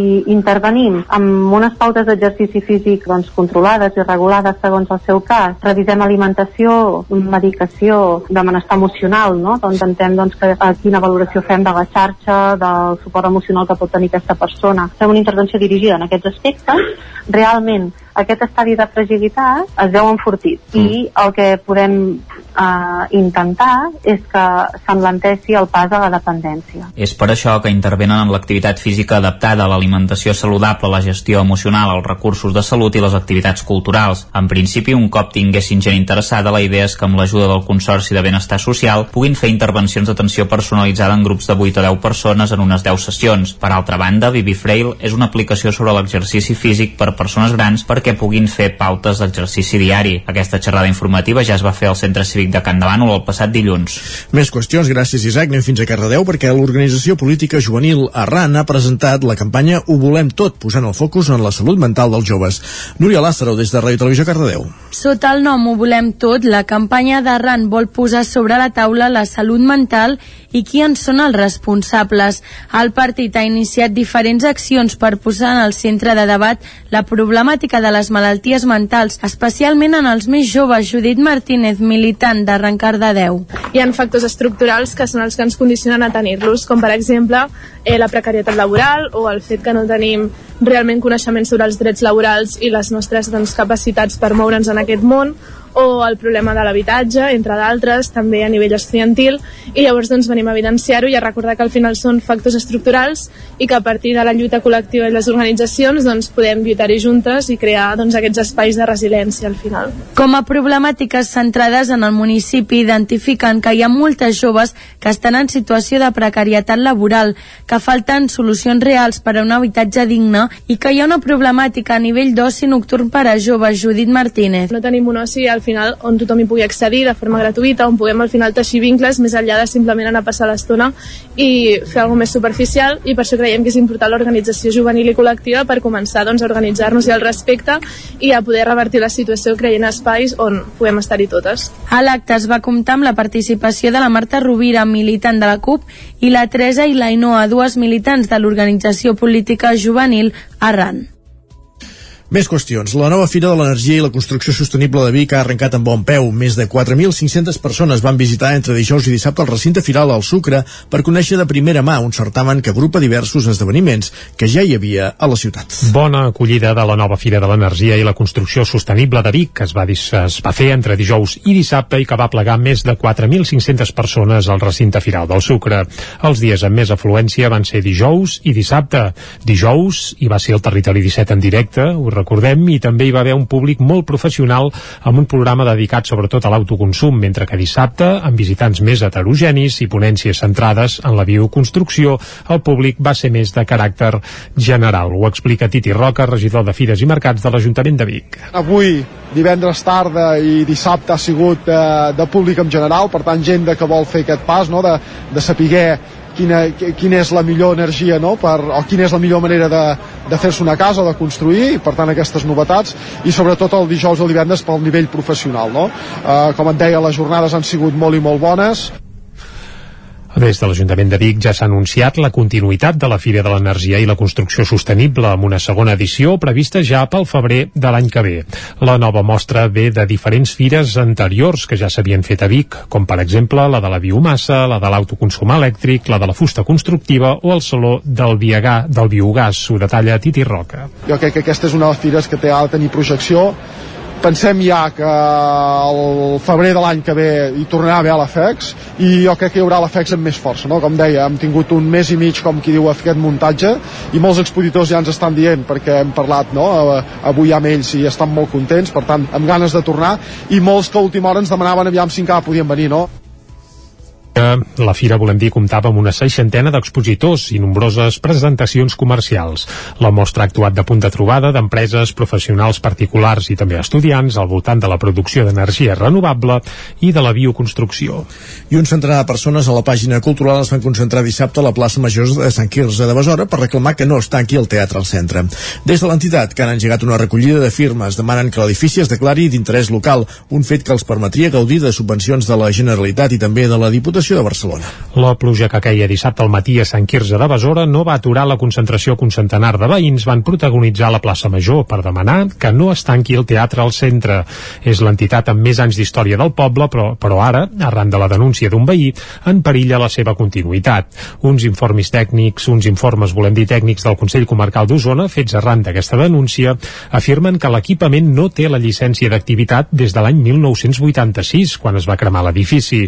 Dissabte, el president del Teatre al Centre, David Espadaler, demanava, en nom de l'entitat, que l'edifici es declari d'interès local. Sol·licitar aquesta llicència de nou suposaria una inversió de 100.000 euros, una xifra, segons Espadaler, inassumible. L'escoltem. Un dels passos que hem emprès és això, és dir, poder accedir a subvencions públiques a través de l'Ajuntament. El primer pas és declarar-ho la, el teatre, que és privat, declarar-lo edifici d'interès local. Fa dues setmanes l'entitat ja va impulsar una campanya de recollida de firmes perquè el teatre es declari d'interès local. A l'espera de com evoluciona el cas, la Junta de l'Equipament té sobre la taula la via judicial. David Espadaler. El pitjor de l'escenari seria que ens tanquessin el teatre. Què passa? A nivell administratiu, el tràmit que podem preveure, ja veurem com evoluciona tot, és que en el moment que l'Ajuntament ens ho reclami o ens, ens faci tancar i nosaltres no hi estiguem d'acord, doncs una de les vies és portar-ho a judici i reclamar a la justícia que reconegui que sí que hi ha una llicència. No perquè es va fer i realment no s'ha trobat, sinó perquè en 35 anys actuant tant l'administració com totes les administracions com nosaltres, com si hagués llicència, creiem que ara mm, no és just que es tanqui.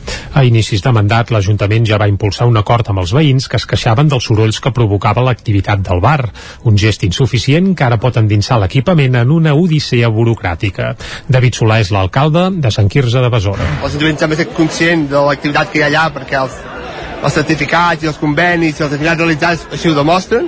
Per tant, no és una activitat que hagi estat clandestina, és una entitat que ha treballat sempre de cara al públic i amb l'acceptació expressa de l'Ajuntament sembla que en el seu moment no es van fer correctament els tràmits burocràtics per declarar l'activitat pot ser que fos un fallo de, del propi Ajuntament per tant, en tot cas si t'ho denuncien i un jutge així ens ho verifica doncs l'Ajuntament haurà d'assumir la seva part de culpa en aquest sentit L'acte de dissabte va finalitzar amb llargs aplaudiments i crits del centre no es toca.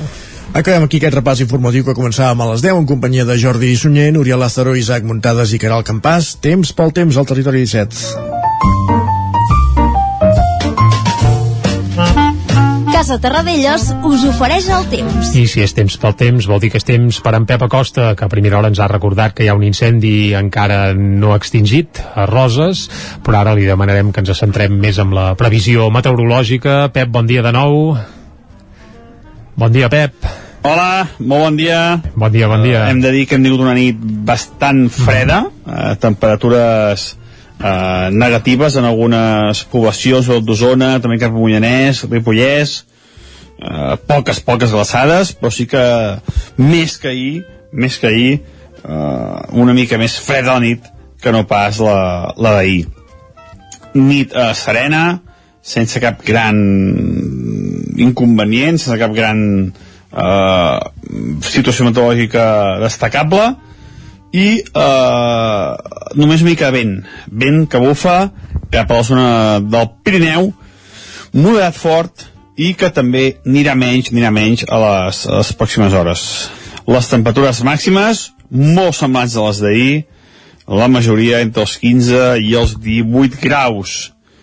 I eh, com deia molt de sol avui eh, gaire cap núvol eh, una situació anticiclònica sense cap gran novetat. Uh, i per sort, per sort, com deia el vent anirà afluixant al llarg del dia d'avui.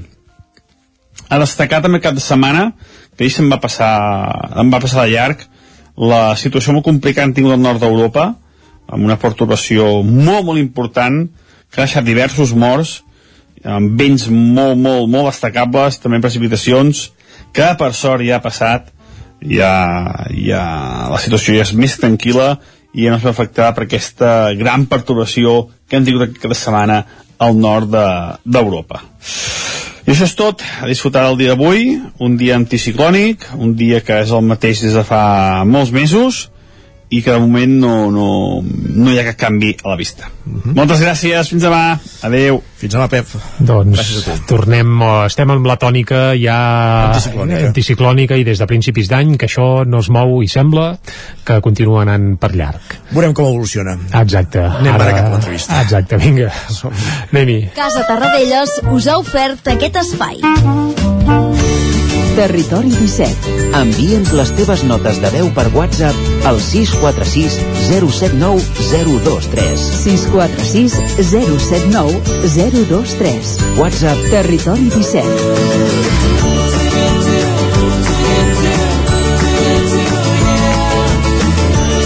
Territori 17. Som a Facebook, Twitter i Instagram amb l'usuari Territori 17.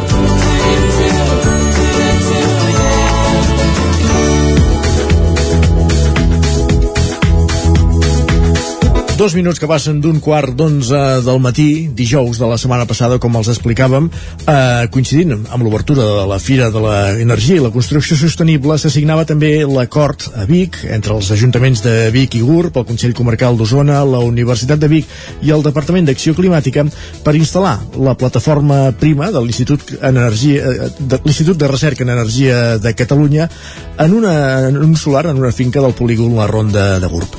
De què implica acollir aquesta instal·lació i què suposarà per GURB? En parlem tot seguit amb l'alcalde d'aquesta localitat, amb Josep Casasses. Bon dia. Bon dia. Josep, primer de tot, eh, això que dèiem, què suposarà per GURB acollir aquesta plataforma d'assaig i demostració de, dels projectes de recerca de l'Institut de, de Recerca eh, en Energia de Catalunya?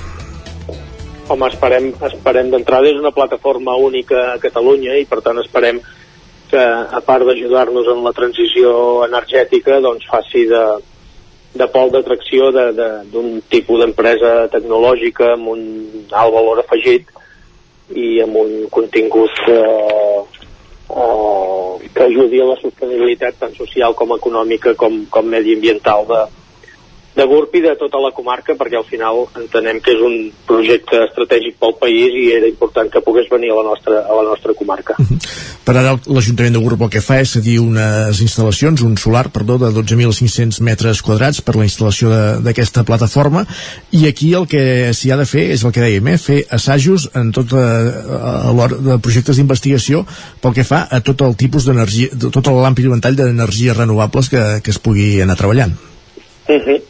Aquí, bàsicament, és recerca, l'IDEC és l'Institut de Recerca de l'Energia de Catalunya, està vinculat a l'ICAEN, i el seu projecte Prima, doncs, eh, justament el que, el que busca o el que, el que pretén impulsar és la recerca, en, en, o sigui, portar la recerca aplicada que se'n sol dir, que és posar a escala real allò que s'ha pogut provar a, a, prova pilot, no? Llavors, per tant, és important poder fer, fer aquest pas eh, bàsicament amb potenciar el que són els sistemes d'emmagatzematge, tota la recerca eh, amb nous sistemes de, de renovables, però també eh, la gestió de residus o, la, la, o els bioresidus, no? que a la nostra comarca doncs, són prou, prou importants i, i, i que necessitem donar-hi una solució i una sortida eh, sostenible també i, i per tant és important tenir aquest, aquest camp aquí. Uh, el fet que s'instal·li a la comarca d'Osona no és casual, hi ha diversos factors. Un és la presència, per exemple, del centre beta de la Universitat de Vic, que treballa en molts d'aquests uh, uh, àmbits que comentava ara l'alcalde de GURB. Uh, el fet que s'instal·li a GURB, ja no sé si és tan que és més casual, pel fet que primer, primerament es buscava un, un espai a Vic, no es va trobar, i, i s'ha buscat aquest projecte més de comarca, no? Uh, unint dos ajuntaments, treballant també amb el Consell Comarcal, la Universitat que, deia, que dèiem, i el, i el Departament d'Acció Climàtica. Per vosaltres és una oportunitat per GURB acollir una instal·lació d'aquestes característiques. No es podia dir que no, entenc, oi? Uh, no, no, no, evidentment. Uh, de fet, estem parlant de que ara fa més o menys un any, al febrer de del 2021, uh, l'IREC es presenta al Consell Comarcal amb, amb el seu projecte i amb la intenció de buscar una ubicació bàsicament fora de l'àrea metropolitana amb aquesta intenció eh, de, de descentralitzar i de, d'apostar pel territori eh, i això és el que es va plantejar i sí, és cert, en aquest moment doncs, eh, Vic va estar buscant una, una ubicació no n'hi no, no va haver cap doncs, que, que encaixés o que cobrís les, les expectatives que, que es buscaven i és en aquest moment en què eh, nosaltres doncs, proposem això, que tenim algunes eh, parcel·les. Inicialment eh, l'IREC buscava una, una nau ja edificada amb, amb una superfície d'uns 1.500 metres quadrats i una superfície exterior d'uns 2.000 metres quadrats, eh, nosaltres des del primer moment vàrem dir que nosaltres no tenim aquestes condicions, però sí que tenim unes parcel·les que poden que poden reunir aquestes eh, característiques. I vàrem, va ser quan vàrem proposar doncs, les, les ubicacions i la veritat és que va anar va anar va, va, va, va, va, va encaixar va, va, va agradar i el que sí que permeten, nosaltres estàvem valorant diferents, diferents alternatives d'ubicació, unes parcel·les que són patrimonials, és a dir, que tenen valor, valor que l'Ajuntament se les pot arribar a vendre, o una parcel·la d'equipaments, que al final és la que s'ha la que s'ha decidit, perquè doncs, semblava que tota la, la sessió d'ús i tot plegat és més, és més fàcil i més, i més viable, eh, però sí que és veritat que la, les parcel·les que es proposen doncs, eh, eh, permeten una, una, una major extensió, una, una major superfície de, de, de nau, també una major superfície de terreny, amb la qual cosa doncs eh, probablement permetrà que el projecte també sigui més, més gran del que s'havia previst inicialment, no? amb la qual cosa també assegura més el, el futur. A GURB també això ens permet, eh, i, a, i a la comarca en general, eh, però sí que ens permet vincular doncs, a, a la formació doncs, en noves eh, tecnologies o, o, o en temes energètics de, de futur, vull dir que segurament doncs, eh, tant l'Institut de GURB com els instituts de la comarca doncs, és probable que puguin avançar en, en mòduls, en, bueno, en formació amb aquest tipus, i és evident que el centre beta aquí eh, hi ha de jugar un paper molt important perquè cap i a la fi el centre beta que ja està eh, que ja és referent a Europa amb, amb, amb, amb projectes i investigació doncs eh, tenir aquest centre al costat doncs segurament si són capaços d'establir sinergies i jo crec que aquesta ha de ser una de les condicions que hem de posar des del territori doncs, eh, podem tenir un dels centres tecnològics eh, eh, més importants d'Espanya de, de, segur i, i per què no d'Europa. No? Uh, la implicació de l'Ajuntament de Gurb d'entrada no surt barata perquè és, vosaltres cediu uh, aquest terreny i també, si no tenim mal entès, us feu càrrec inicialment de, de la licitació de, del projecte. Quines compensacions sí. rebrà l'Ajuntament de Gurb un cop s'arribi a l'acord, diguéssim? Bé, això és el que hem d'anar acabant de, de treballar i el que és el que hem d'acabar de, de polir. Sí que és cert doncs, que de moment posem la parcel·la i, i fem la licitació per una qüestió d'agilitat, perquè sempre és més fàcil que liciti l'Ajuntament que no pas que liciti la, la Generalitat. No? L'exemple el tenim, per exemple, en, en el cas de l'Institut de Gurb, que l'Ajuntament va cedir la parcel·la fa molt temps i el Departament d'Ensenyament de la Generalitat és qui feia la licitació i ha tardat encara un any i mig o, o dos a, a sortir la, la licitació, no? Per tant, per una qüestió d'agilitat, doncs es comença així, llavors el que, el que sí que hem d'acabar de, de definir ara doncs, és quins seran els costos que tindrà la, la instal·lació final, per tant ara hem d'acabar de definir el projecte, perquè sí que s'han s'han presentat unes, uns renders, un, unes imatges en 3D, però, però això és el, el punt de partida del projecte, a partir d'aquí hem de definir el pressupost i a partir d'aquí va de definir doncs, com, es, com es defineixen els costos, però és probable que l'Ajuntament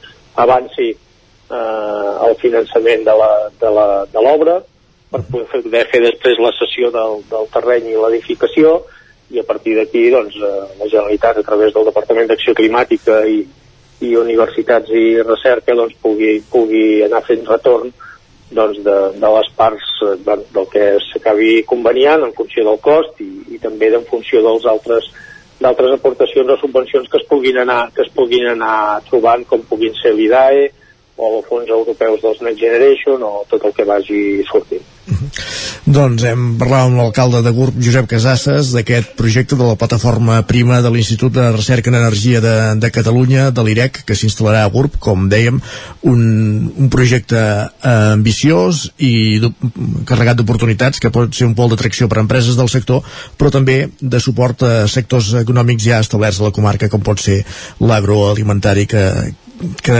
al qual se li pot donar suport amb, amb iniciatives de recerca en els seus àmbits. Josep Casasses, moltíssimes, moltíssimes gràcies per ser avui al Territori 17. Gràcies a vosaltres. Bon dia. Adéu, bon dia. Doncs ja coneixem més detalls d'aquest projecte que s'instal·larà a GURB i ara de seguida el que coneixerem també són detalls de les piulades que ens durà com cada dia quan arribi el punt de dos quarts d'onze el nostre company Guillem Sánchez que ja el tenim voltant per aquí. Farem ara una breu pausa a Territori 17 quan ens atencem això a dos quarts d'onze del matí. Recordem-ho d'avui dia 22 de febrer de l'any 2022. Mai més tornarem a tenir un dia amb tants dosos, eh? Uh, Celebrem-ho fent no dos minuts sinó tres minuts de pausa i tornem de seguida. Fins ara, aquí a Territori 17. El nou FM, la ràdio de casa, al 92.8. Cefosol, centre de formació de soldadura GURB. Som especialistes en processos de soldadura. Disposem d'instal·lacions totalment equipades per a classes de teòrica i pràctica amb cabines individuals i equipaments de seguretat. Assessorem empreses i oferim cursos subvencionats i bonificats. Vine i t'informarem. Cefosol, som al carrer Sant Roc, número 9 de GURB. Telèfon 664 206 192. També ens trobaràs a cefosol.com i a YouTube. Gràfics Air, el seu proveïdor global en rotulació i impressió digital. Oferim servei de disseny, producció i instal·lació de qualsevol projecte en rotulació industrial i comercial. Rètols corporis, senyalització preventiva, senyalització viària, senyalització interior de naus, vinils decoratius per a oficines i establiments comercials, retolació de vehicles... Confia en els serveis que li pot oferir Gràfics Air. Ens trobarà al carrer Lleida 39 de Vic o a gràficsair.com. Cobertes serveis funeraris. Els nostres tanatoris estan ubicats en els nuclis urbans més poblats de la comarca d'Osona per oferir un millor servei. Tanatori de Vic, Tanatori de Manlleu, Tanatori de Centelles i Tanatori de Roda de Ter. Sabem que són moments difícils i per això el nostre compromís és atendre-us en tot moment amb un tracte humà, sensible i respectuós. Cobertes serveis funeraris. Telèfon 24 hores 93 883 23 46.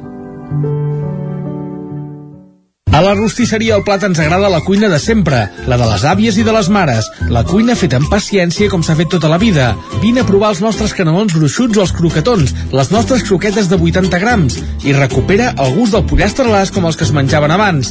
Ah, i aprofita, fins a finals de febrer, 20% de descompte en els canelons i el pollastre. Rostisseria El Plat, encàrrecs fins a les 12 del migdia i servei a domicili. Ens trobaràs de dijous a diumenge al carrer Església número 6 de Taradell o al 93 135 58 85. Anuncia't al 9FM. La màquina de casa. 9 3 8 8 9 4 9 4 9. Publicitat arroba al 9FM.cat. Anuncia't al 9FM. La publicitat més eficaç. Cocodril Club. Si t'agrada la bona música dels anys 60, 70 i 80, escolta el 9 FM als matins de dissabtes i diumenges d'11 a 1. És el temps del Cocodril Club, tot un clàssic de la ràdio, amb les bases del pop-rock, les llegendes, les cançons que s'han convertit en autèntics himnes. Recorda, dissabtes i diumenges al matí, d'11 a 1, al 9 FM 92.8. Cocodril Club, el programa revival de l'Albert Malla. Hasta luego, cocodrilo. El 9 FM, el 9 FM, el 9 FM, el 9 FM.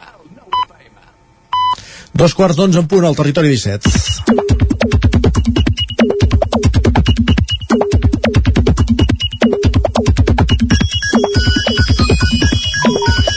Música internàutica per rebre amb sonors aplaudiments en Guillem Sánchez. Bon dia. Sonors aplaudiments, va, posem-los sonors? manualment, perquè Exacte. si no, d'allò, molt bé, Guillem... Un dia, un dia els buscarem, eh? No pateixis. Va, ho farem, ho farem. Ens posem deures, va.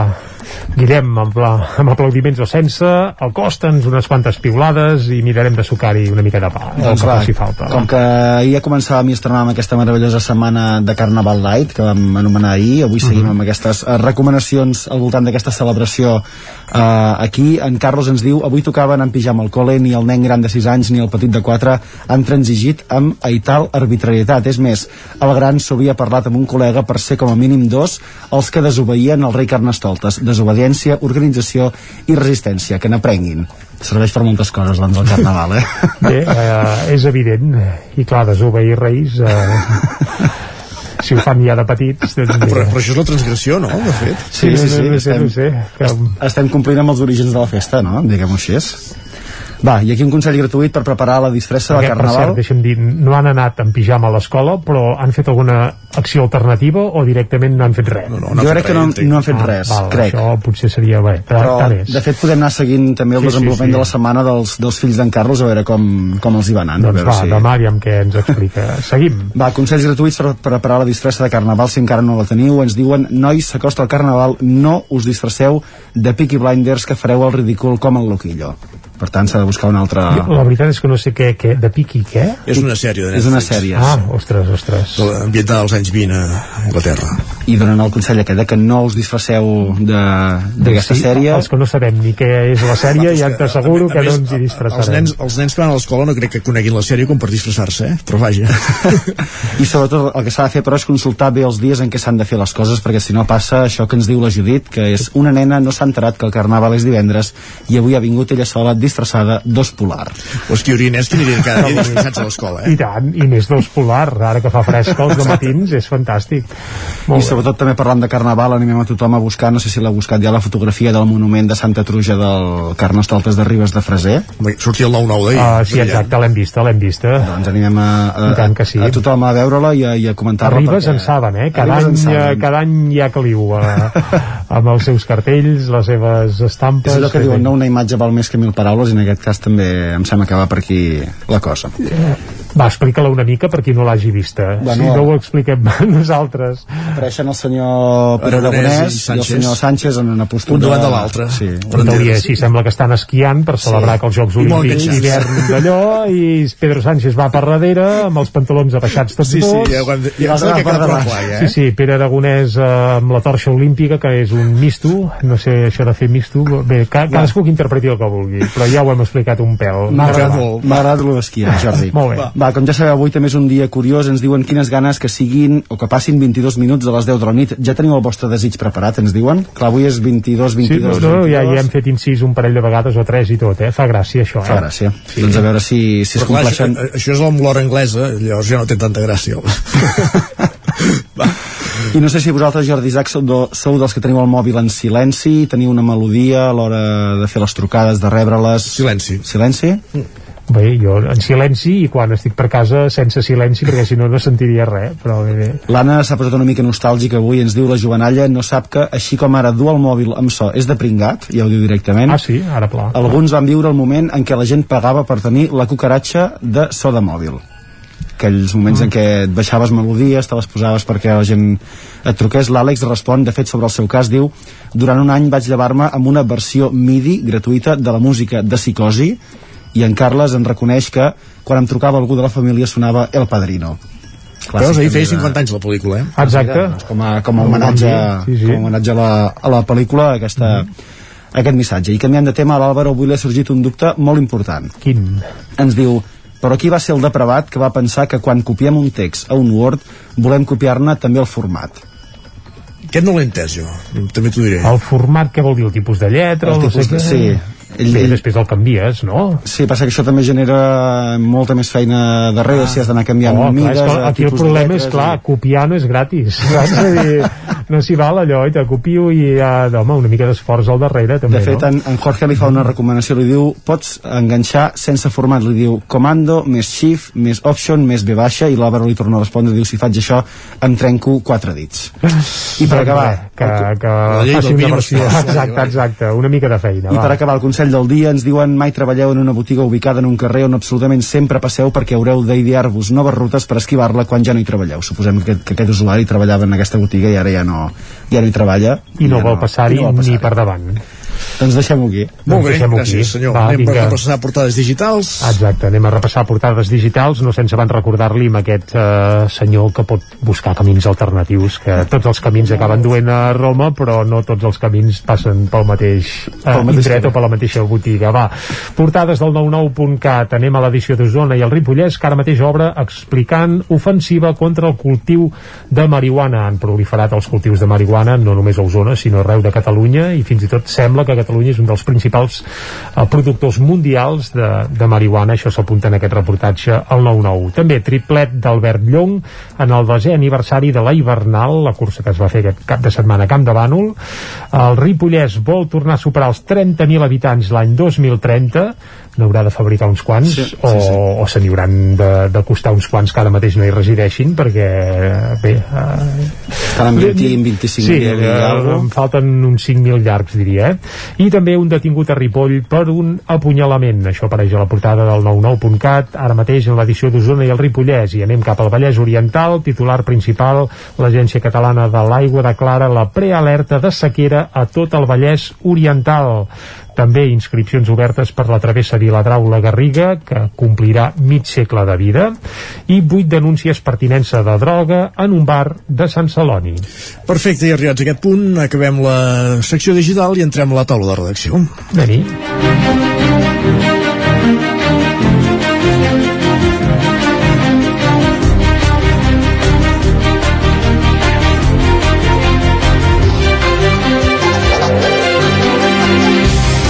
Avui taula de redacció amb tripleta de luxe, Isaac Muntades, Jordi Givert i Txell Vilamala. Anem primer de tot a la veu de Sant Joan amb l'Isaac Muntades. Bon dia, Isaac.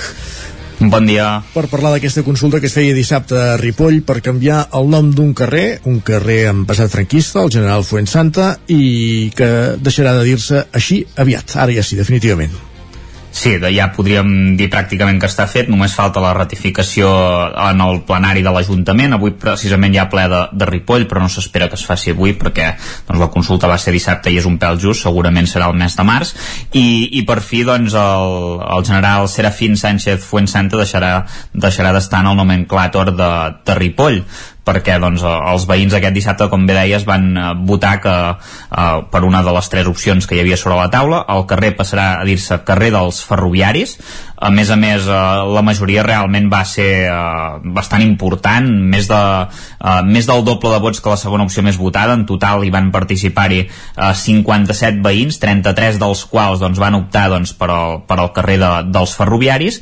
I després eh, n'hi va haver eh, 15 que van eh, optar per la cooperativa de Sant Eudal en canvi la tercera opció que era el carrer del ferrocarril ja es va quedar eh, amb 7 hi, hi havia el temor fins i tot que clar, molts veïns durant tots aquests anys des del que el 2016 va saltar el tema amb una moció de la CUP demanant el canvi perquè era, doncs, incomplia la llei de memòria històrica i perquè era un nom d'un general franquista eh, doncs hi havia molts veïns que sentien doncs una, eh, una aproximament eh, emocional amb, amb, aquest, eh, amb aquest personatge perquè en el seu moment doncs, va ser clau per desencallar eh, que es fessin a, a aquests pisos eh, i que hi poguessin viure doncs, eh, doncs els ferroviaris. Per tant va ser una persona important. Llavors molta gent no volia canviar el nom. Eh, es van inventar fins i tot que hi havia una, una verge del Fuensanta per poder doncs, eh, tenir com un, algun tipus d'argument perquè es continués dient així i no s'hagués de canviar.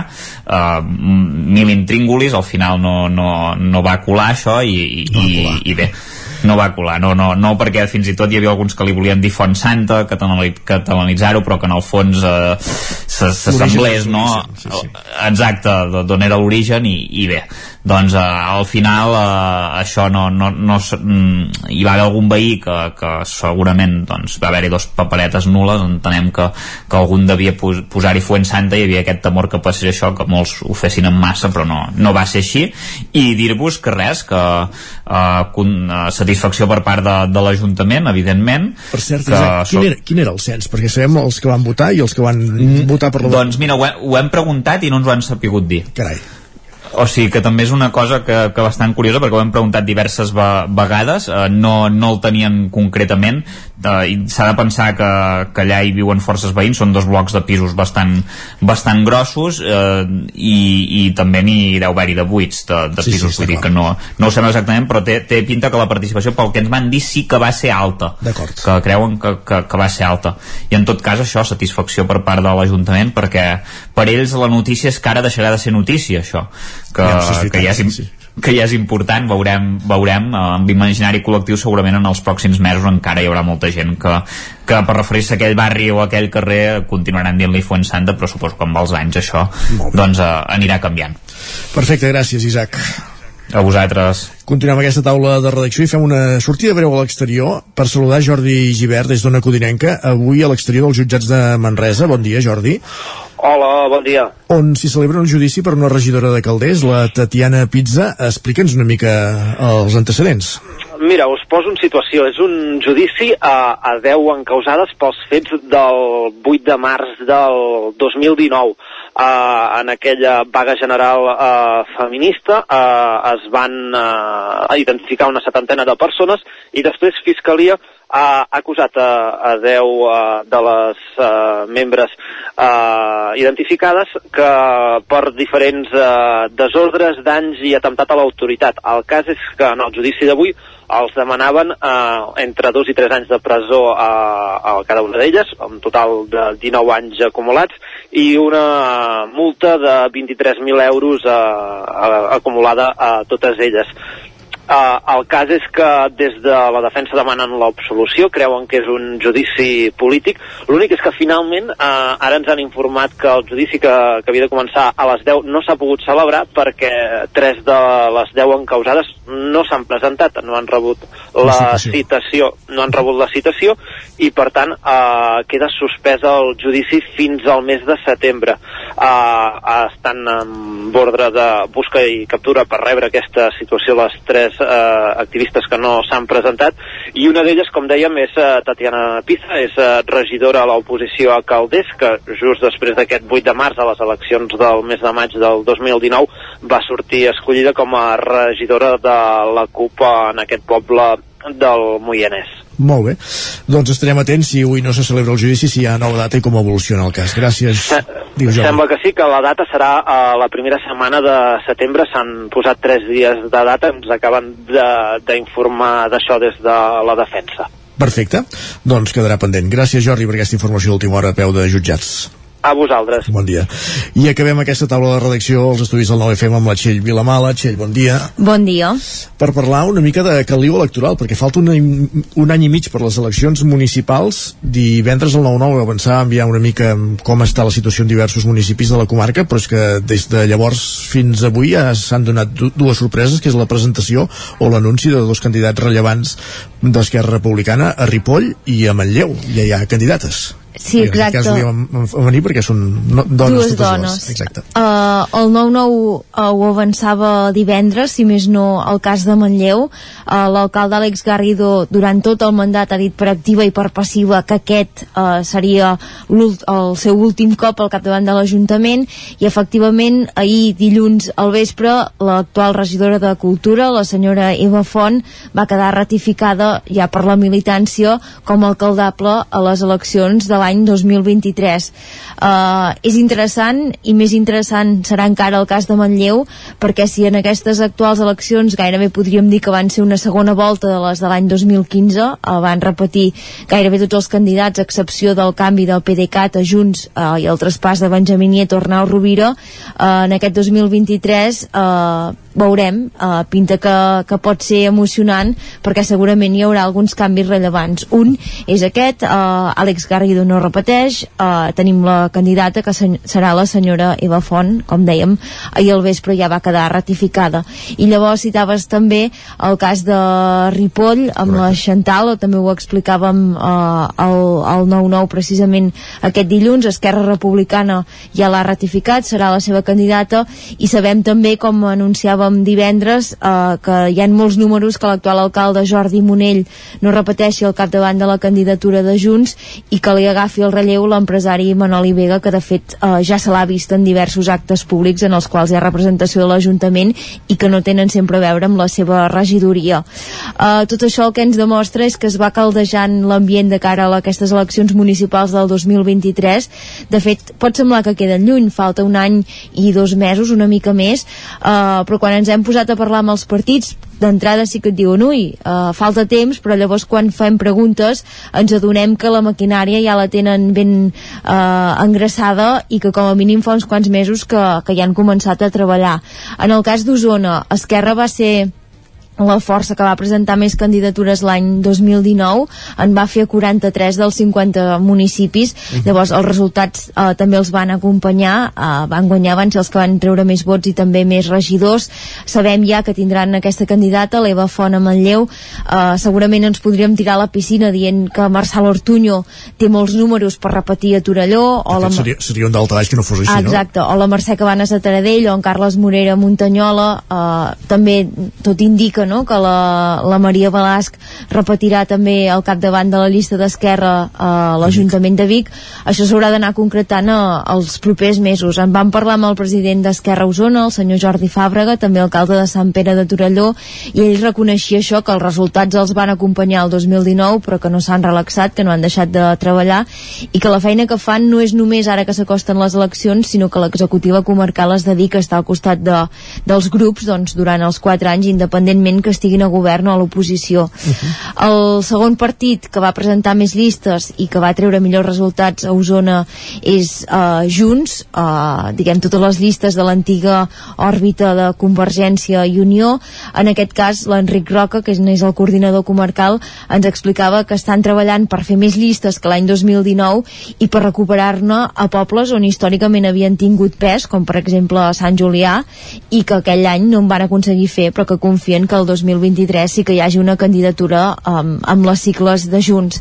També, eh, en el cas de Junts ens deien que no, no hi ha candidats encara confirmats, però sí que sabem que l'alcaldessa de Vic, la, la senyora Anerra, al principi del mandat eh, semblava que donava, que donaria per tancat el seu pas per l'alcaldia amb, amb aquests últims quatre anys, eh, però hem vist, també ho, ho va explicar en una entrevista a l'Angle Obert, que si més no ha obert la porta a repensar-s'ho. Eh, Anerra, evidentment, ara a part de la majoria incontestable que té l'Ajuntament de Vic, és un pes fort eh, dins de Junts, té responsabilitats a l'estructura orgànica, a més a més també és diputada al Parlament i sens dubte una política en projecció eh, més enllà de la ciutat de Vic i de la comarca d'Osona ara mateix. Per tant, també nosaltres, no, si haguéssim de fer l'aposta ara, eh, diríem que té molts números eh, per repetir.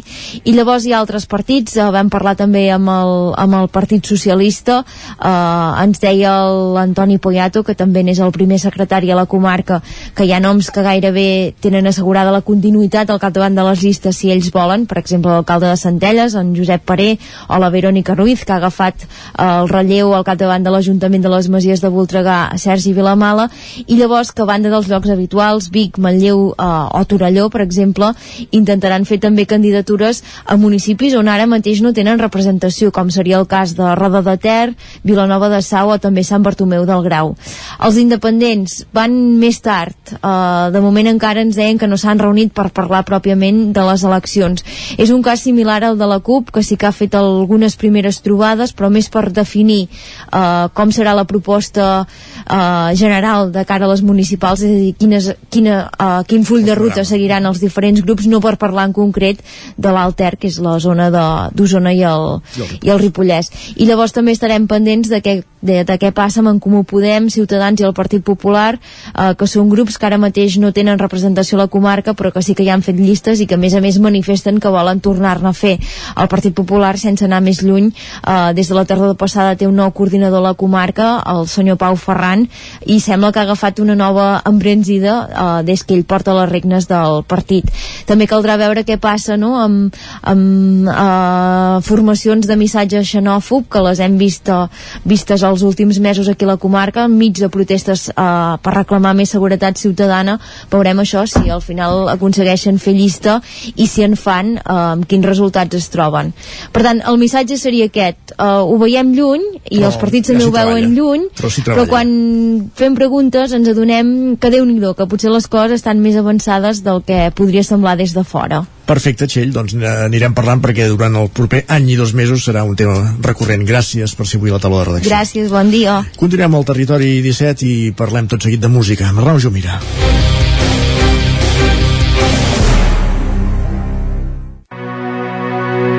Territori 17. El 9 FM, la veu de Sant Joan, Ona Codinenca, Ràdio Cardedeu, Territori 17.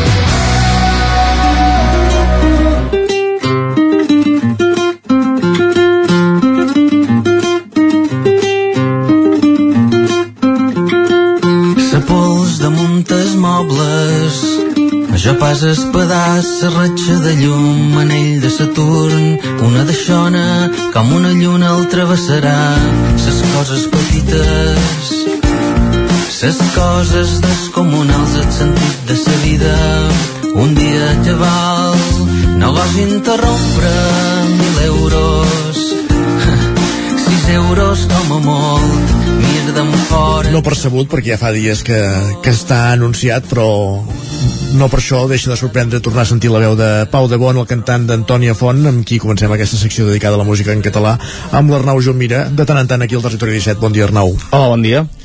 Com dèiem, el nou disc d'Antònia Font, que ja, del qual ja anem coneguent cançons. Aquest és el segon single que s'avança, ja, eh? Sí, és el segon, el segon avançament que han fet, aquesta Una deixona de pols, es diu així aquesta, aquesta cançó, que van, van treure divendres i que, doncs, com deies, és el segon avançament d'un disc que ja té data, eh? Van, van avançar també divendres, que serà el 25 de març, uh -huh. el dia que sortirà, per tant, d'aquí un meset, eh, apareixerà aquest, aquest disc d'Antònia Font eh, gairebé 10 anys després eh, de, de l'últim, l'últim era el Vostès aquí que era aquell que la Canato tenia com un mapa de metro, no? i que a més van, estrenar al Mercat de Música de Vic va fer un... ho recordo, sí i, i fa 10 anys, això, això, era, el, això era el 2012 doncs, eh, bueno, farà el, el setembre doncs eh, 10 anys després estan a punt de treure aquest, aquest nou treball eh, com deies, eh, no, és, no, és cap, no és cap notícia perquè ja l'any passat doncs, amb tota la campanya que ha fet el Primavera Sound doncs es va anar sabent aquesta tornada amb aquell alegria i ara doncs eh, van, van, amb aquesta cançó que estem escoltant es demostra que, que la, la, la sonoritat d'Antònia Font es manté, no? Perquè tant, sí, sí. aquesta és totalment eh, això, aquesta, aquesta sonoritat que ells mateixos anomenen Antònia Font, perquè segurament eh, tothom qui, qui escolta això i, i, i, si, i tinc una, un cert bagatge musical doncs li, li sonarà no? el, el també està clar que la veu característica de Sí, Pau de Bon hi ajuda. Sí, sí, sí, sí. sí, sí, Pau de Bon i no ens hem d'oblidar evidentment de Joan Miquel Oliver com a compositor, com a compositor i guitarrista de, Uh, i unes Antònia Font que ja estan preparant ja estan anunciant concerts de fet ja fa dies i, i, i anaven en entrades eh, diguéssim Sí, de fet han anunciat 4, eh? De moment només han anunciat 4, no se sap si n'anunciaran més o no, però de moment en tenen 4 de previstos, a Barcelona el Primavera Sound, que serà l'11 de juny, a Inca, el, eh, que serà el 18 de juny, a València el 9 de juliol i al Palau Sant Jordi farien l'últim el 15 d'octubre. Almenys això és el moment el que han, el que han anunciat i el que tenen previst per aquest 2022. Veurem si, si això serà allò d'ocasió única per veure'ls o si aniran ampliant aquest, aquest repertori de, de concerts.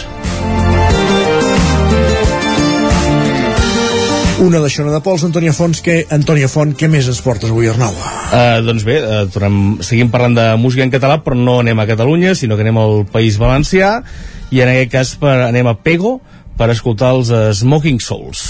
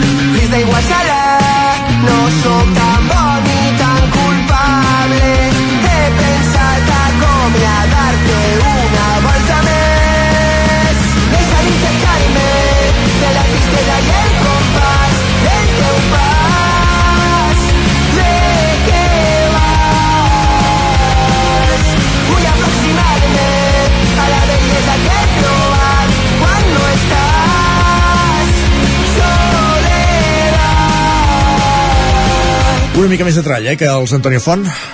Sí, ara sí, pots... Sí, sí, sí, una, una mica més, una mica més. El, en aquest cas, eh, els Smoking Souls, guitarres afilades, com podem escoltar, una, una banda, com dèiem, de, del País Valencià, de, de Pego, que, que ha tingut molta mala sort, eh? Perquè el 2019 va treure Translúcid, que, que era un disc que realment està molt cuidat, està molt ben fet, estava molt treballat, l'havien fet amb molta paciència, i el van treure, com diem, a finals de 2019, per tant la majoria de gent es pot imaginar com segueix la història. Van fer la presentació, concerts plens eh, sales plenes i va arribar la pandèmia. Es va parar tot i tot, aquell, tot allò que teníem previst i tot com els estava funcionant es va parar en sec. I clar, evidentment el, mantenir el, el repte era molt complicat perquè és això, venien de fer un disc que els havia posat molts esforços i, i bé, es van trobar de cop en- sense poder-lo girar com els ha agradat a molts grups, evidentment, però eh, doncs això, ells han, es van tornar a centrar i van buscar un repte eh, per, per trobar motivacions també per seguir en, en el grup, eh, ja que no podien fer directes, i ho han fet amb aquest, amb aquest disc que escoltem avui, que es diu La Cura, eh, que té doncs, només eh, 8 cançons, i que eh, totes estan fetes eh, a 8 estudis diferents.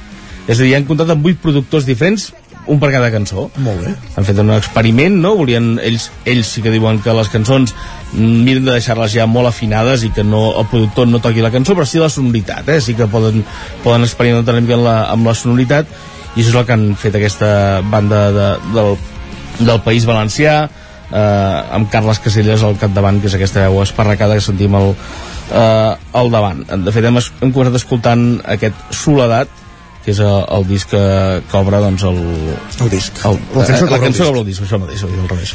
I també escoltem Immortals ara. Sí, aquesta és una de les diferents, eh? escoltem la primer i la comentem. T'he donat un tros de cor i una bandera i ara estem dins d'una trinxera esperant que algú ens estime com s'espera la quimera de no sentir-nos sols som addictes al verí d'un gran problema Utopia intenta obrir-se pas m'agrada el teu perfil d'antisistema. I com la vida et crema per dins vine i trenca el mirall. Ahí estem tots a la guerra emocional. Vine i mira la vall corren, corren lliures els cavalls. I ara fingim que som com dos estatues. I ara fingim que vivim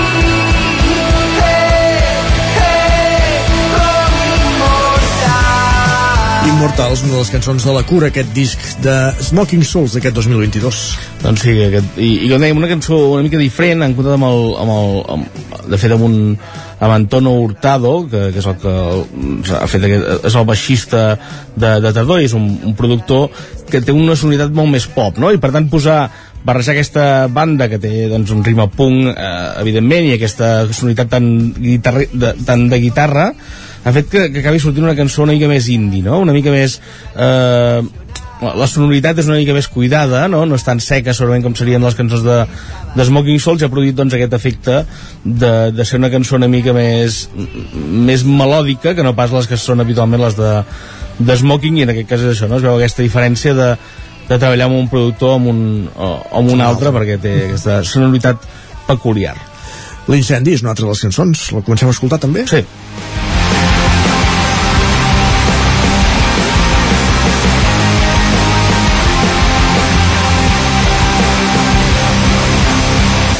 Concepte tens tu de grandesa?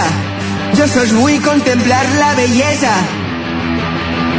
No perdre la innocència i la tendresa entre tanta violència. Reduir la distància, caminar pels carrers de València i saber valorar cada vincle i la seua influència. Vull saber escriure al teu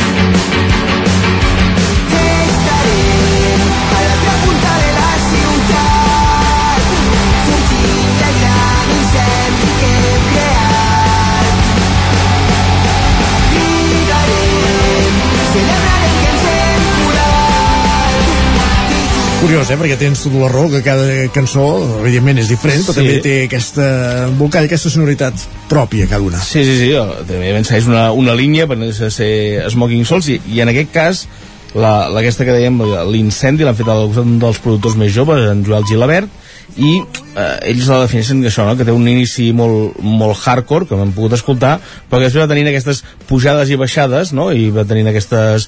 Eh, bueno, va sent en, en aquest sentit eh, més una muntanya russa, i ells diuen, eh, llegia una entrevista que, que és curiós perquè és una cançó que va estar a punt de quedar-se fora del treball, eh? és a dir, la van tenir ells, tal com la tenien escrita i tal com la tenien abans d'enviar-la al productor, no els hi agradava. No, ells creien que era una cançó de... Ells diuen que, que quan l'enviaven als productors era com una mica un examen, no? L'enviaven i pensaven, bueno, aquesta potser tornarem un 3. I quan els hi va tornar el productor, van dir, ostres, això potser és un, un 8, eh? eh, eh ara els, hi- els hi va agradar molt més com l'havia deixat el, el productor, que no pas com la tenien d'inici, i per això al final ha acabat entrant al treball, perquè si no deien que era de les que estaven més insegurs. Per tant, haguessin set 7 en lloc de 8. Sí, correcte, correcte, havien, haurien tret una cançó. La Llavor, una altra de les cançons d'aquest disc de Smoking els Souls, La Cura. No estaràs mai sol si això és el que vols, és el que vols.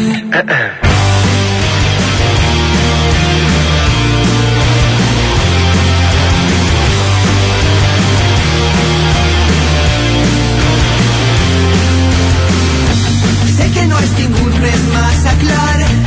que tens sempre desitjat poder-te acceptar per a sanar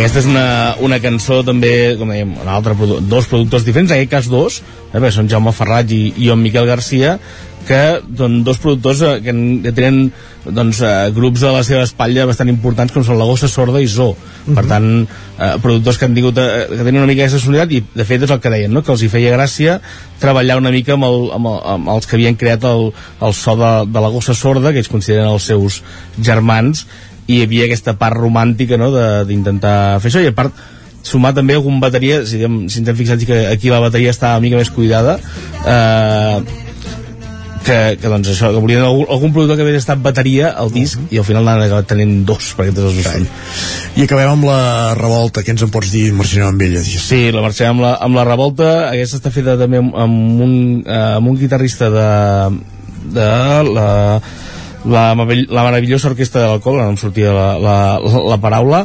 eh, i bé, també té un to una mica més, una mica més indie, no? Eh, que és el, també el, que té doncs, aquest, aquest grup, i són les dues que tenen una sonoritat més diferent, com hem repassat abans eh, d'aquest disc Immortals i, i, i aquesta que compta amb la col·laboració de David Ruiz de la Moda Correcte. cantant. Gràcies Arnau per repassar-nos aquesta segona entrega del nou disc d'Antònia Font, una de Xona de Sí. Pols i aquest nou disc de Smoking Souls, La Cura, amb, cada, amb 8 cançons cadascuna amb un productor diferent. Gràcies per ser avui al Territori 17. No, eh, fins la propera. Bon dimarts.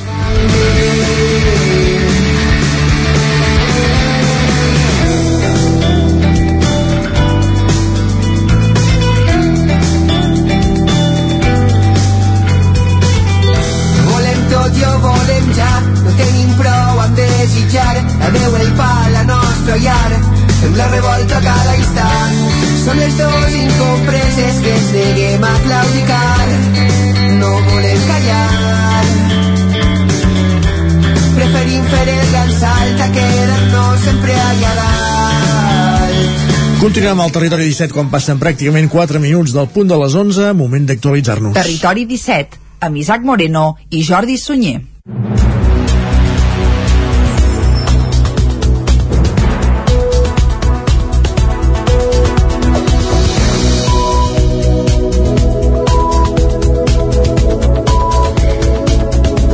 Moment d'explicar-vos aquesta hora que la policia local de Ripoll ha detingut un jove de 19 anys per apunyalar-ne un altre en, el, bra- en un braç. Isaac Muntades, des de la veu de Sant Joan.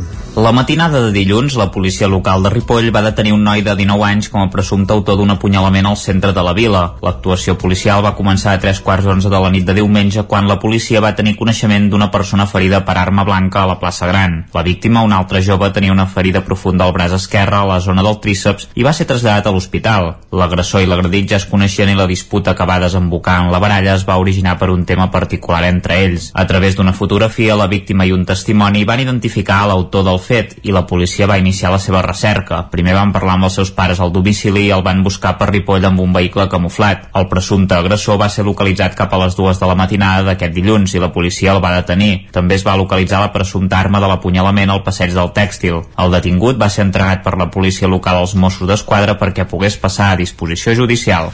Caldes una crida persones amb símptomes de Covid persistent per participar a l'estudi sobre els efectes de la balnoteràpia en aquest tipus de pacients. Caral Campàs, des d'Ona Codinenca. L'Ajuntament de Caldes impulsa un estudi pilot per determinar si la balnearoteràpia amb aigües termals és beneficiosa per pacients amb símptomes de Covid persistent. La primera fase d'aquest projecte ha començat amb una crida a persones que tinguin aquesta simptomatologia i que estiguin interessades a participar a l'estudi. L'objectiu és trobar 48 pacients que se sotmetran a un tractament termal al balneari i 48 que no s'hi sotmetran per tal de poder fer la comprovació. El balneari serà el Termes Victòria en una investigació que portarà a terme el grup de recerca musculoesquelètica de l'Institut Hospital del Mar investigacions mèdiques.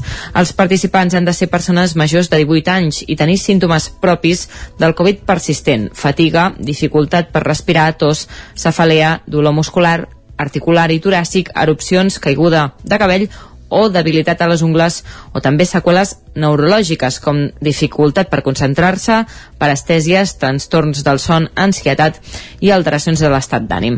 D'altra banda, no s'admeten pacients amb evidències físiques de la patologia com diagnòstic de càncer, infeccions cròniques o malalties autoimmunes. Els interessats a participar han d'omplir i enviar un formulari un formulari que trobaran al web de l'Ajuntament de Caldes de Montbui. Ahir els parlàvem de l'accident mortal que va haver-hi dissabte a la C62, l'eix del Lluçanès. Més enllà de les causes concretes del sinistre que s'estan investigant, els alcaldes del Lluçanès reclamen millores en aquesta carretera. L'alcalde d'Olost, Josep Maria Freixenet, explica que ha demanat que es reasfalti i se sanegi el ferm en diversos trams i també ha sol·licitat actuacions per millorar la seguretat en relació a la fauna salvatge.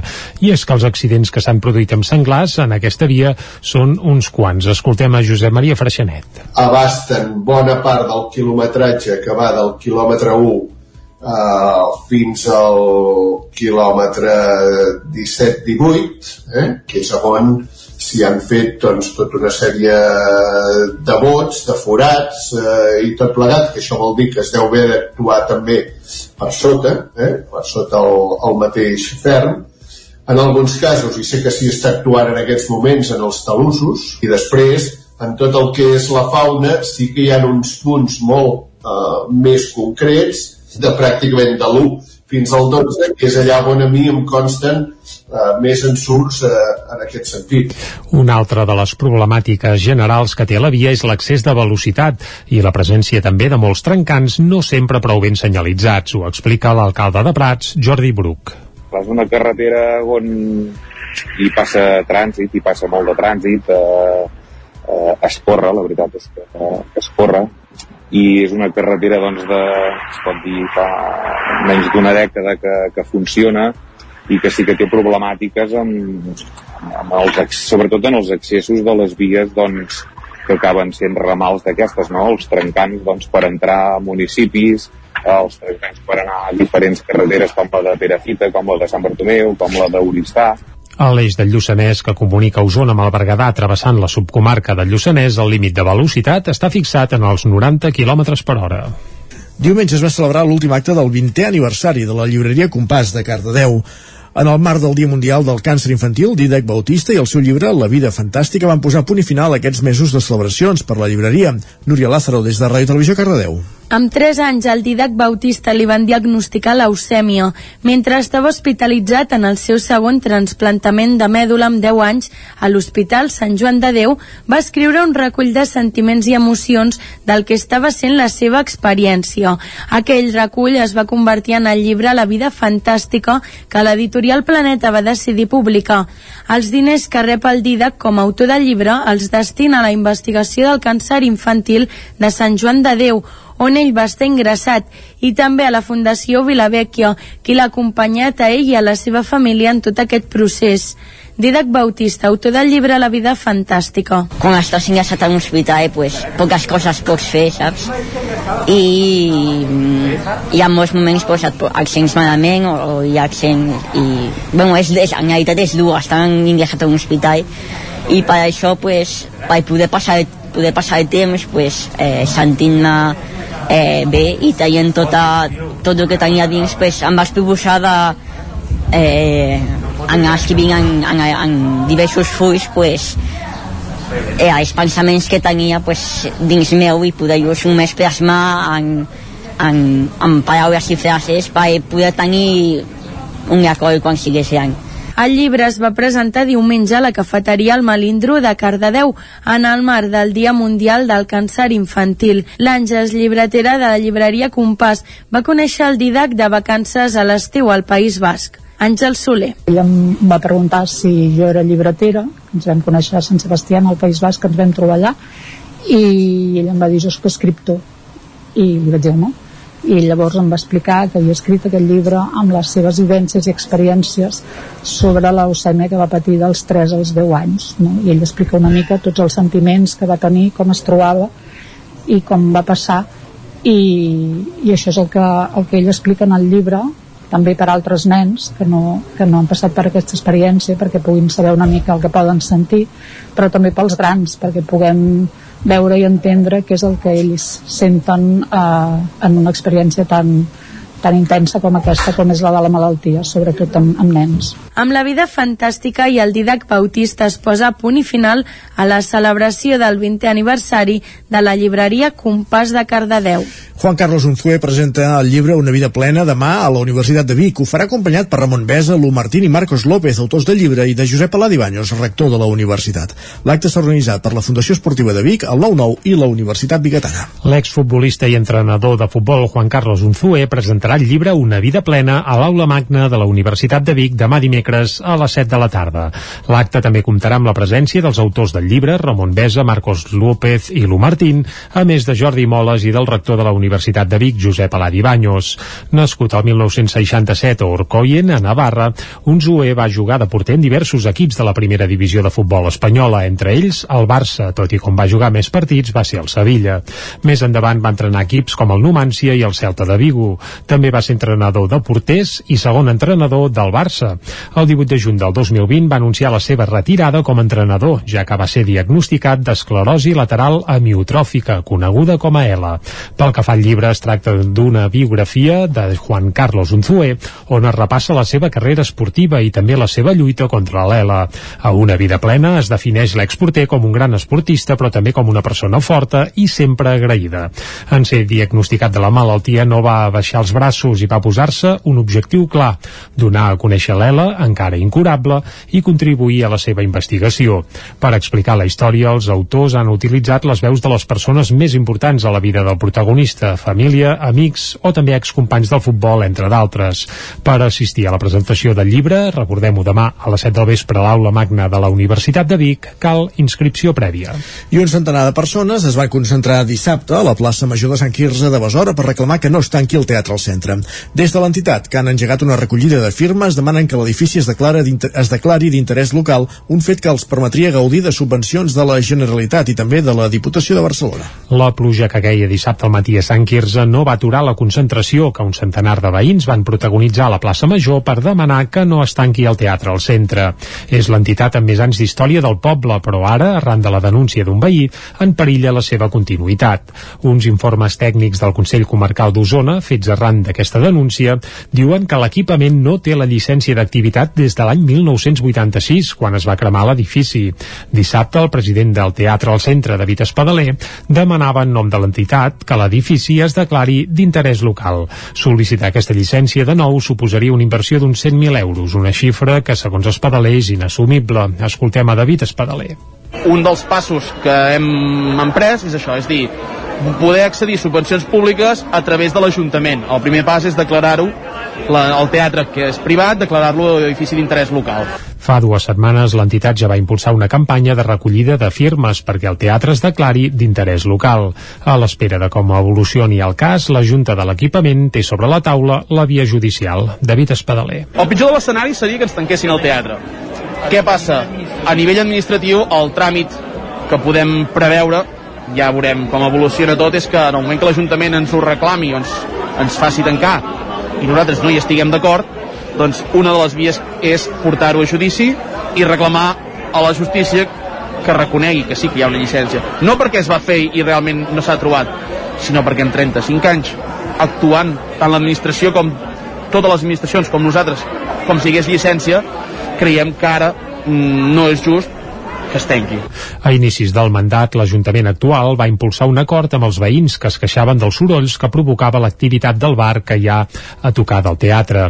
Un gest insuficient que ara pot endinsar l'equipament en una odissea burocràtica. David Solà és l'alcalde de Sant Quirze de Besora. L'Ajuntament també és conscient de l'activitat que hi ha allà perquè els, els certificats i els convenis i els certificats realitzats així ho demostren. Per tant, no és una activitat que hagi estat clandestina, és una entitat que ha treballat sempre de cara al públic i amb l'acceptació expressa de l'Ajuntament. Sembla que en el seu moment no es van fer correctament els tràmits burocràtics per declarar l'activitat. Pot ser que fos un fallo de, del propi Ajuntament, per tant, en tot cas, si t'ho denuncien i un jutge així ens ho verifica, doncs l'Ajuntament haurà d'assumir la seva part de culpa en aquest sentit. L'acte de dissabte es va acabar amb llargs aplaudiments i crits del centre no es toca. Perfecte, Jordi, gràcies. Acabem aquí aquest repàs informatiu que començàvem al punt de les 11 i algun minut en companyia de Jordi Sunyer, que era el campàs Núria Lázaro, Isaac Muntades, moment d'endinsar-nos a la plana econòmica.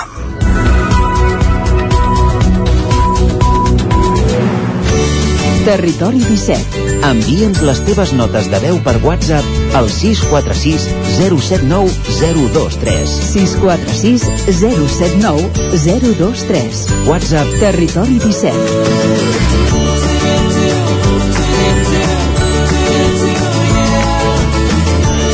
Territori 17. Som a Facebook, Twitter i Instagram amb l'usuari Territori 17.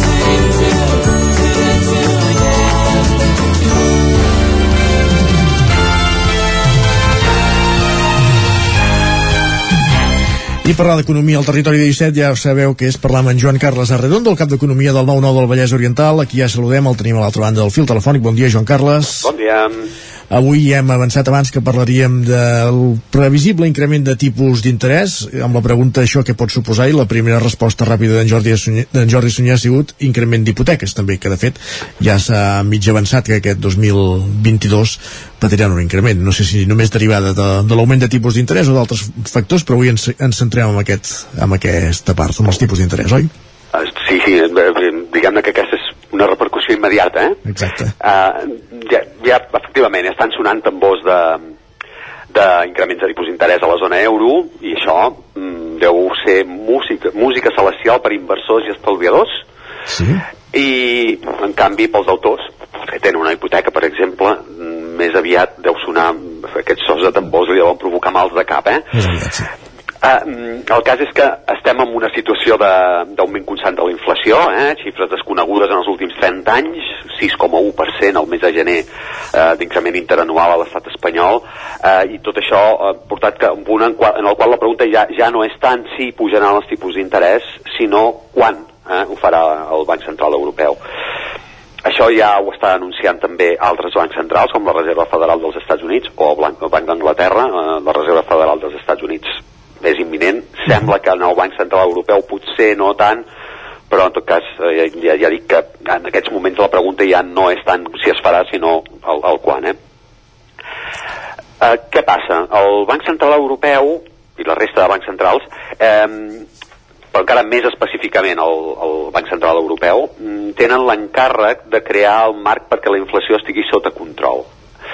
Sota control, eh, diguem-ne que en el cas del Banc Central Europeu l'encàrrec específic que tenen, i de fet és l'únic, eh, eh, és que la inflació manting, es mantingui al voltant del 2%. El que ha passat en els últims anys, mesos és que la corba ascendent dels preus s'ha allunyat molt eh, d'aquest llindar i persisteix en índex que tota la zona euro està al voltant del 5%. Poca broma. Doncs això és el que, el que està passant i, és a dir, si tens l'encàrrec que no pugi més del 2% i s'està posant un 5%, diguem-ne que és normal que tinguis pressions, eh? perquè, perquè la cosa s'ajusti i, i, i posis les eines que tinguis a l'abast com a banc central per poder-ho fer. Una altra cosa és si els motius que estan portant això són les polítiques d'estímul que tenen el Banc Central Europeu durant els últims anys o no, en tot cas, eh, intentem posar una mica de, de, de marc, eh, per una mica amb, amb, amb el que estàveu comentant tu i el Jordi al matí, no? Sí. Eh, això de... No sé, això què vol dir? Que em puja l'hipoteca? Bé, eh, posem una mica de marc així molt, molt teòric i molt, molt genèric. Eh, els tipus d'interès marquen el preu al qual un particular, una empresa, una administració, eh, paga el diner que li presten. Eh? Eh, la persona o entitat que presta els diners cobra un diferencial perquè està assumint un risc, el risc que no li tornis, perquè ha de fer gestions per poder-te'l donar, etc. Eh? Tot això, diguem-ne que ho carrega en, el, en, el, en els diners que tu li demanes i quan el, li tornes li tornes els diners que t'han prestat més aquest diferencial, no? aquest, aquest tipus d'interès. Um, i, i això també ha passat que les persones que dipositaven els seus estalvis eh, en entitats bancàries eh, també li donaven també una mica de diferencial per poder fer aquests negocis eh? diguem-ne que eh, això funcionava així fins que tot, tot, tot s'ha complicat molt no? els bancs centrals acostumen a ser el punt de partida de totes aquestes operacions perquè és on els bancs i les entitats de crèdits i tot, tot, totes les persones que presten fan la primera compra eh, de, de diners i passa que des de fa sis anys el Banc Central Europeu no cobra per, per, no cobra per prestar els diners als bancs i encara aplica altres polítiques, eh? no només no compensa els bancs eh, que li deixen els diners en dipòsit, sinó que els cobra interessos per, per, per, per, per conservar-los els diners, o també és molt actiu en la compra de, de deute públic a estats i empreses. Tot això ve dels temps de la crisi financera, quan la situació econòmica era tan dolenta que calien, calien polítiques d'estímul perquè reactivés el consum. Eh? Eh, això pa, què, què passa? No? Per, posem un exemple, si un particular vol comprar un producte o una empresa vol fer una inversió, estarà més disposada a fer-ho si no ha de fer gaire més que retornar els diners, el que li han, el que li han abonat, diguem-ne, eh, que si ho ha de fer tornant els diners i pagant un tipus d'interès molt alt, no? Serà més predisposat a fer-ho, no? I això amb un esquema similar també funciona en el, en el deute públic. El Banc Central Europeu, com a origen d'aquests tipus d'operacions financeres, influeix en els preus als quals es fan totes aquestes transaccions. A baixar el tipus d'interès oficial permet que les entitats que presten diners cobrin menys als autors que quan fan un crèdit. Eh, el consum, per tant, es reactiva, les empreses s'animen a invertir i els estats tenen una factura inferior per endeutar-se i poden fer més inversions en infraestructures, en serveis públics. Però pot passar que el consum es reactivi massa, que els fabricants i distribuïdors de productes es vegin amb cor, per tant, de pujar preus, eh? una qüestió d'oferta i demanda. Quan això passa, creix la inflació, però el perill que es, és que els, els preus s'incrementin massa i els compradors espantin i consumeixin menys, no? I llavors aquell cercle virtuós que teníem es converteix en un cercle viciós. I llavors la, la, roda, la roda no roda, eh? Per, per dir-ho Alguna cosa manera. es trenca i exacte, i la roda no roda, correcte. La pregunta fonamental ara és si els preus estan pujant perquè el Banc Central Europeu se li ha anat la mà aguantant uns tipus d'interès en mínims històrics, recordem que estan al 0%, eh? Uh, el temps que el consum es reactivava per les necessitats insatisfetes dels temps de la pandèmia eh? I també passa això, que estan pujant els preus en un context d'encariment de primeres matèries, dificultats d'accés a productes intermedis, moltes coses que m'ha anat explicant aquí en els últims mesos, no?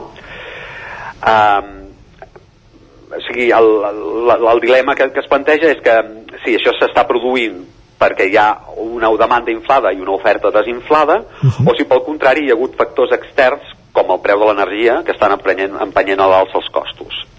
Fins ara la resposta era la segona opció, però vista la persistència dels nivells d'inflació molt elevats, el discurs de Lagarde, de Christine Lagarde, que és la presidenta del Banc Central Europeu, comença a, comença a virar. Eh?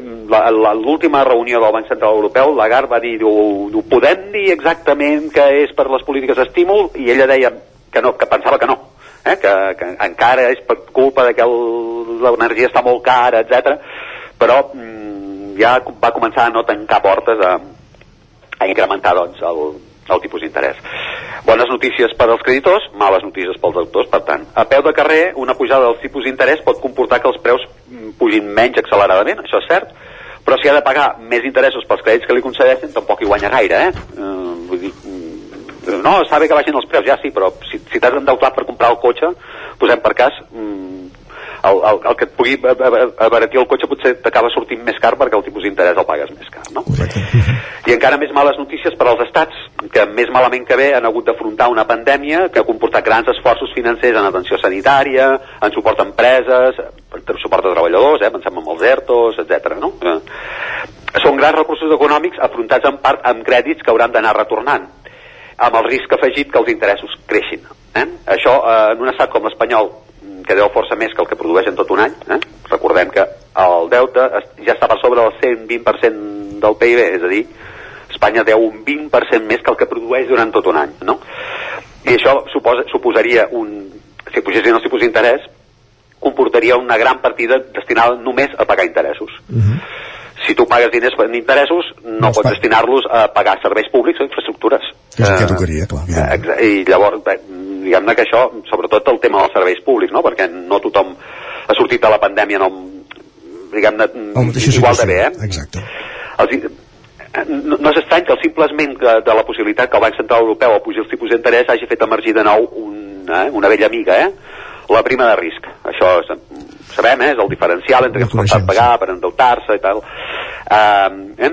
La diferència entre es fa pagar a un estat uh, comparat amb Alemanya. Doncs uh, ahir ja estaven 104 punts, 104 punts bàsics eh, a l'estat espanyol, que vol dir que uh, Espanya paga per endeutar-se un 1,04 més que Alemanya. Eh? Si Alemanya paga 1, Espanya paga 2,04. Si Alemanya paga 3, Espanya 4,04. Vol dir mm, tipus d'interès més, més elevat. El canvi de discurs del Banc Central Europeu pot provenir d'una resposta encertada als motius que estan portant aquesta inflació del 5%, o bé que eh, la recepta de pujar els tipus acabi sent contraproduent i provoqui més refredament econòmic. De moment s'està imposant la prudència, però el Banc Central Europeu rep pressions ben fortes perquè s'apugin els tipus. Els primers grans beneficiats, per exemple, serien les entitats financeres, això convé no oblidar-ho, i per això probablement estem sentint moltes pressions. De moment l'estratègia de Lagarde és diferir la decisió probablement fins a final d'any, però moltes veus auguren que entre dues i tres pujades de tipus aquest any. El balanç de riscos i beneficis de pujar el tipus eh, està més decantat, entenem nosaltres, pels riscos, però les pressions eh, són persistents. Doncs vinga, corre a fer hipoteques i per anar bé que no siguin a tipus variable pel que pugui venir, no? Sí, jo, jo, jo faria tipus fix, però això cadascú, Cadascú seu. ca, ca, cadascú fa els seus estudis. Exacte. Doncs gràcies, Joan Carles. Sé Gràcies, gràcies a vosaltres. Bon dia. A la secció d'Economia del Territori 17 hem parlat del previsible augment de tipus d'interès. Avui amb en Joan Carles Arredondo, moment ara de fer una petita pausa i encara a la recta final del programa. Passarem per l'R3 com cada dia amb l'Isaac Muntades i coneixerem aquest projecte, el de mot en mot, una setmana més, al racó de pensar amb la Maria López. Fins ara. El nou FM, la ràdio de casa, al 92.8. A la Clínica Dental Sant Fortià hi trobareu un equip professional que treballa de manera coordinada per oferir un tracte sensible i humà. Estem preparats per qualsevol urgència dental i oferim accions preventives per la tercera edat i els infants. I aquest carnaval, vine disfressat i emporta't un regal. Clínica Dental Sant Fortià. Ens trobareu a la plaça Sant Fortià número 9 de Torelló al 93 859 6408 i al 690 92 51 99. Mmm, quan fa que no menges pluma ibèrica de Salamanca i xuletilles de lechal a la brasa amb una bona amanida? Oh, ¿y un chuletón de vedella gallega? ¿O lechazo de Castilla al forn? Ah, i botillo del Bierzo amb catxelos i col? Ei, i cochinillo a l'estil de Segovia, i tot acompanyat d'un bon celler. Oh, i uns bons serranitos de pollastre, de llom, d'hamburguesa, del que tu vulguis. Per menjar la millor cuina de Lleó sense moure't de casa, vine a El Racó de León. Fem cuina tradicional lleonesa i de mercat. Vine amb la família, amb els amics, amb la parella o sol. T'encantarà. El racó de León. Som al carrer Torelló 35 de Vic. Reserves 93 889 1950. Tanquem els dimarts. El racó de León. Vine a tastar una cuina diferent.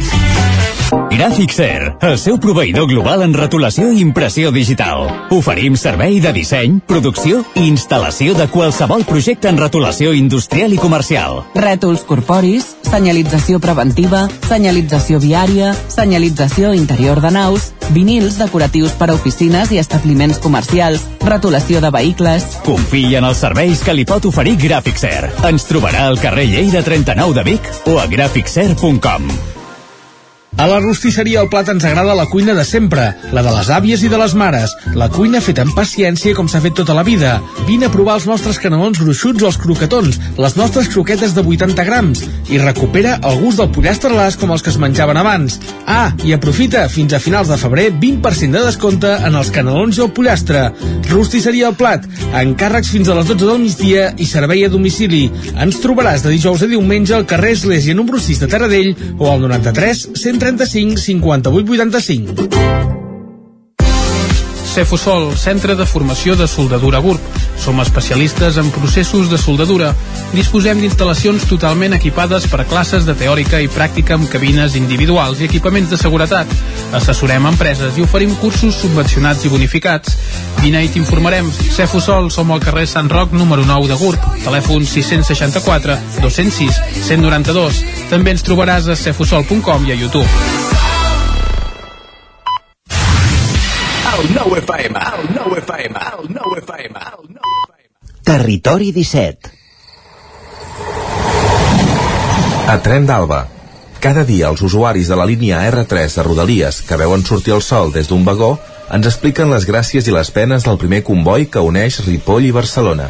Benvinguts a Tren d'Alba. La usuària de Twitter Mònica Sanz es preguntava què passaria si una línia de metro de Barcelona cada setmana deixés la gent tirada i fessin una hora tard a la seva destinació, ja que això és el que els hi passa als usuaris de Rodalies, però pagant 4, 5 o 6 vegades més per anar i tornar a treballar. Contestant a la pregunta, crec que es muntaria un bon sidral, però segurament reaccionarien per evitar que tornés a passar. En canvi, Renfe no aprèn dels seus errors i els va repetint de tant en tant en el temps com una espècie d'espiral infinita. Va, Us deixo ja amb la crònica d'en Jordi Valls d'avui. Bon dia, sóc en Jordi de Centelles. Avui el segon, el que ahir va punxar, ha arribat 6 minuts més o menys tard. Força bé. Faltava molta gent. La gent va quedar escaldada perquè us vaig explicar la baixada, però no sabeu la pujada. Resulta que el tren de dos quarts de sis tenia un vagó inutilitzat, per tant, de tres vagonets. Li diuen cotxe. El, el nom correcte per als vagons de viatgers és cotxe, però tots com, tal com anem és de bestiar, per això li dic vagó. Doncs el del mig va quedar inutilitzat, va, Sant Andreu van fotre fora tothom, uns deien que per unes pedrades, uns altres deien per unes llums d'emergència, o sigui, ningú informava, com sempre, i el següent tren era curt. I això de mirar les capacitats dels trens, jo no sé si aquesta gent de Renfe eh, s'ho fa mirar o hi ha controls. No ho sé. Señores de la delegación del gobierno, porque la Generalidad de Cataluña no pinta nada aquí. Por favor, actúen. Jo em començaria a preocupar quan la gent ja se'n va a la delegació del govern a protestar i no a la Generalitat de Catalunya, perquè això és indicatiu de moltes coses. Bé, és dimarts, i continua la setmana. Molta força, que una Renfe qualsevol no us espatlli la màgia del tren. Adéu-siau. Si és que quan les coses van malament, encara poden anar pitjor. En tot cas, m'agrada la diferència que fas entre el cotxe i el vagó. Prefereixo la segona paraula. Fa més de tren que funciona malament. La primera sembla més còmoda i amb millors serveis, i ja es veu que no és així. Va, ens retrobem demà amb més històries del tren i de la R3. Territori, Territori 17. 17. Territori 17.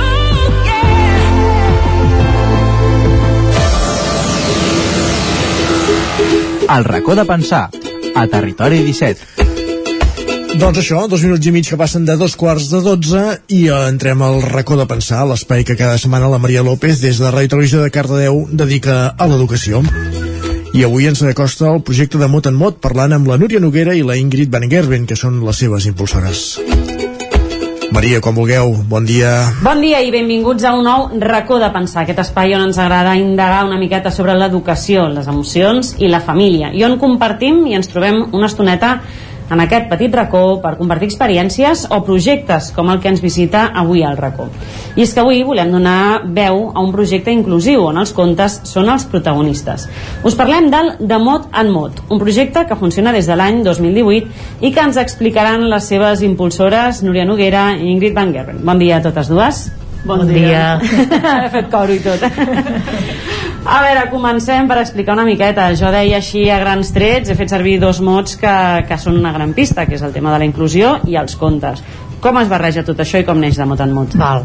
Mira, això va néixer, bueno, la, la Ingrid i jo ens coneixem des de fa anys perquè les dues vam estudiar a l'institut, a l'escola d'escriptura de, de, de l'Ateneu Barcelonès, perdó, i, i, i, i jo vaig escriure, vaig publicar un llibre i llavors la Ingrid doncs eh, me'l presentava no? i entre les dues presentàvem el llibre llavors aquí a Cardedeu un noi de Viver del Villoc amb qui tenim relació a través de l'associació la, I Som i tal doncs em va dir que volia llegir el meu llibre però que algú li hauria de, li hauria de llegir perquè ell no en sabia i ostres, aleshores va ser com uah, i a més la Ingrid i jo veníem de presentar el meu llibre al Teatre Ponent de Granollers que en aquell moment encara es deia Teatre Ponent i li vaig dir Ingrid hem de fer alguna cosa perquè aquí hi ha gent que no, que no, no té accés no, als llibres.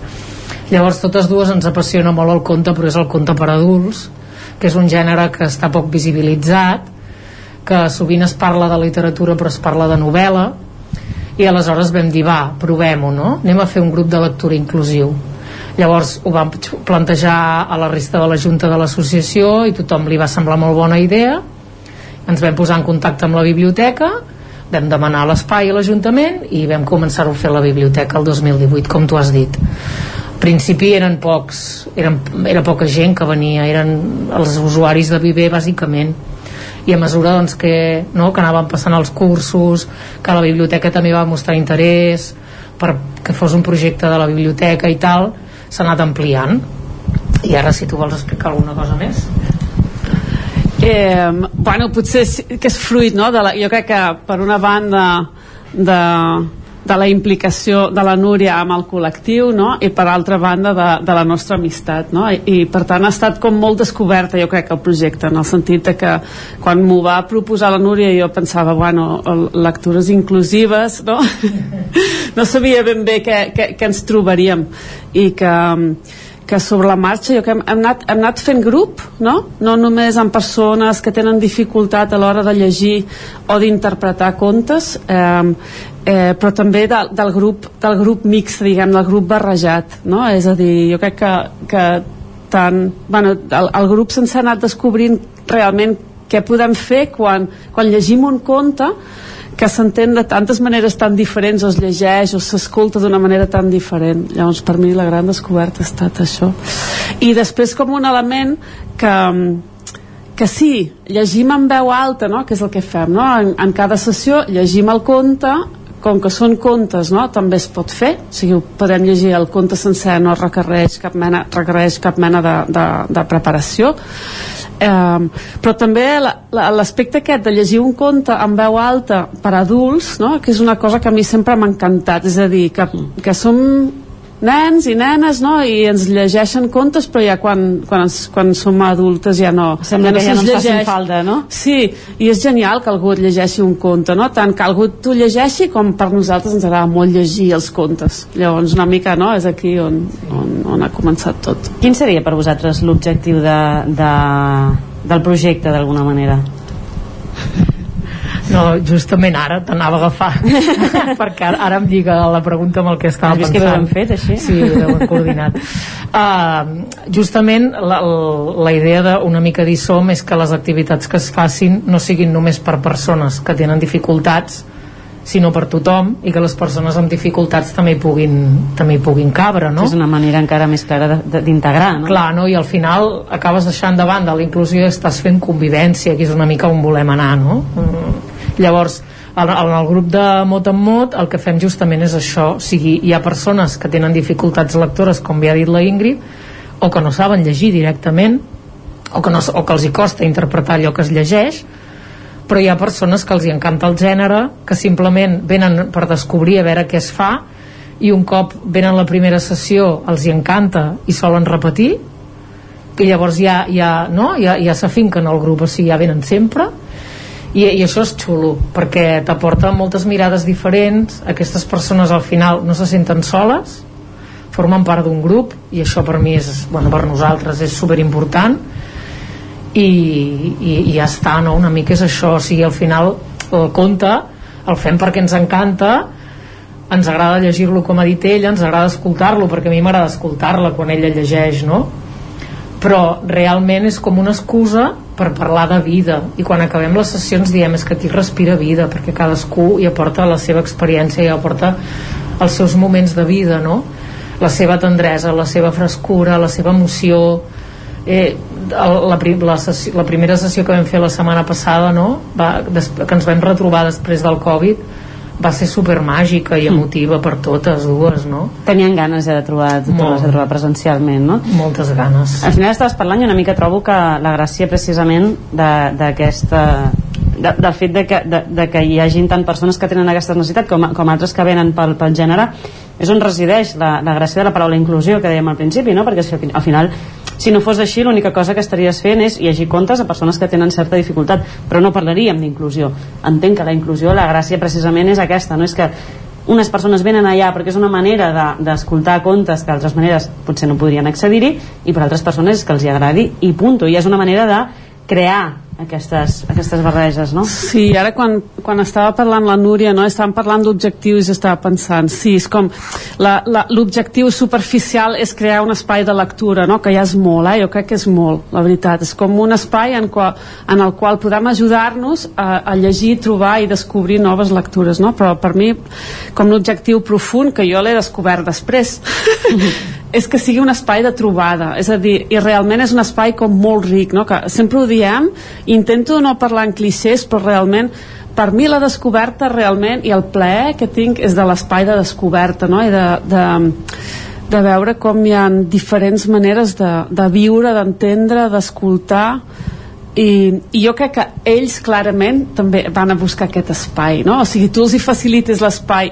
ells, vull dir, les persones que tenen més dificultats potser de, lec de, de, de lectura no?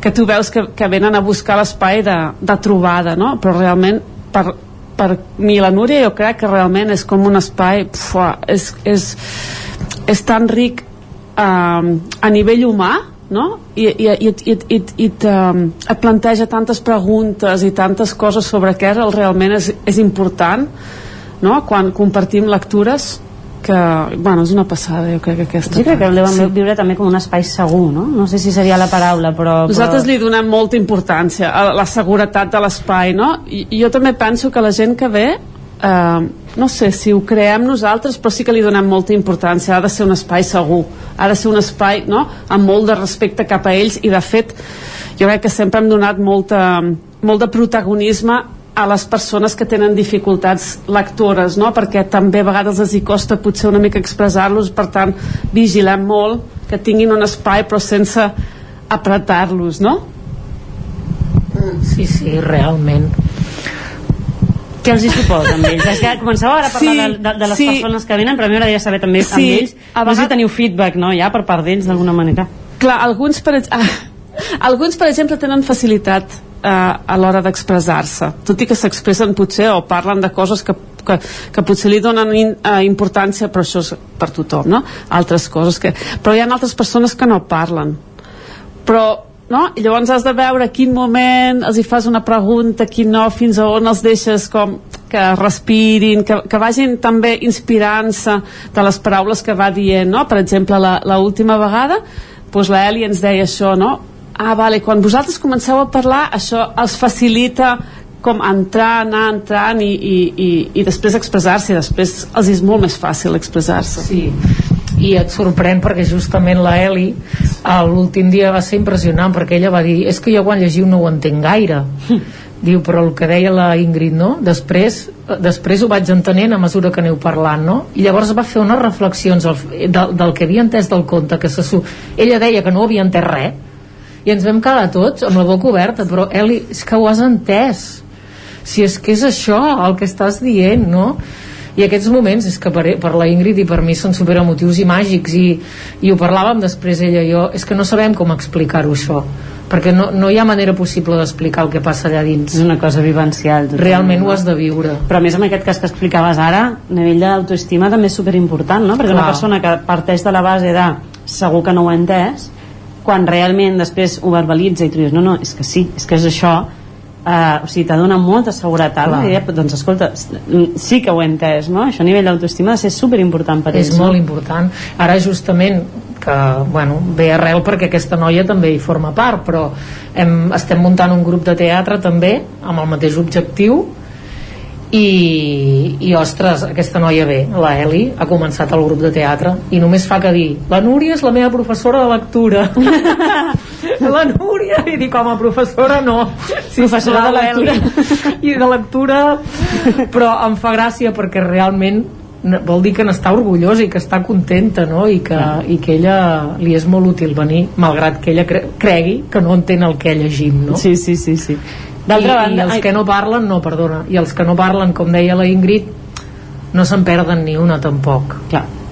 Quan ho hem fet uh, virtualment no ens seguien, realment els havíem perdut, perquè per ells la no, entrar a les xarxes, tot això, també tenen unes dificultats importants però a la que hem, ho hem reprès és que han aparegut i encara que estiguin callats estan allà M'ho has posat una mica en safata ara el fet de preguntar-te això precisament com ho vareu fer durant el confinament perquè es va complicar tot per tothom però a més a més per vosaltres estava clar que era una cosa que no es podia deixar de fer i encara amb més raó, no?, aquella època Sí, sí um, bueno, aquí té molt de mèrit la Núria perquè és, no, ha apostat vull dir que per mi és fàcil perquè jo m'afegeixo no, a, a, a, a la seva energia, però sempre ha apostat perquè se seguís fent, no? fent-ho. Llavors ho hem fet, que era guai també, no? poder fer-ho a través de vosaltres també i arribar a un públic més ample perquè realment ho hem valorat.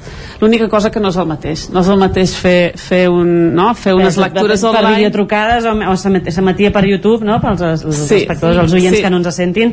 Això al matí es feia la mateixa, mm, diguéssim, lectura però mitjançant una videotrucada que s'emetia per la tele d'alguna manera la gent Ah, podia seguir-ho per un canal de YouTube o per la televisió local i, i des d'allà fer el seguiment Uh, de fet també es podien fer preguntes en algun moment, recordo, sí, oi? Sí. Es podien fer preguntes així Sí. com online suposo que va ser una manera d'aguantar una mica durant aquella època, no? Però també una manera de fer conèixer el projecte, no? Perquè, clar, tenir, tenir la gravació també fa que la gent podia anar a veure-la, llavors jo crec que molt bé, una mica...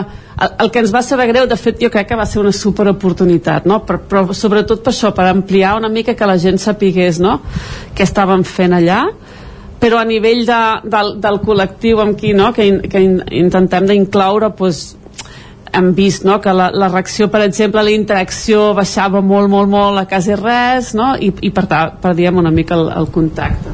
Sí, d'unes quantes persones que venien fixes a les sessions presencials online només en venia en va acabar venint una assistia a una i la resta doncs no perquè és això no? que també tenen dificultats a nivell eh, de xarxes no? i d'informàtica per tant els hi costava.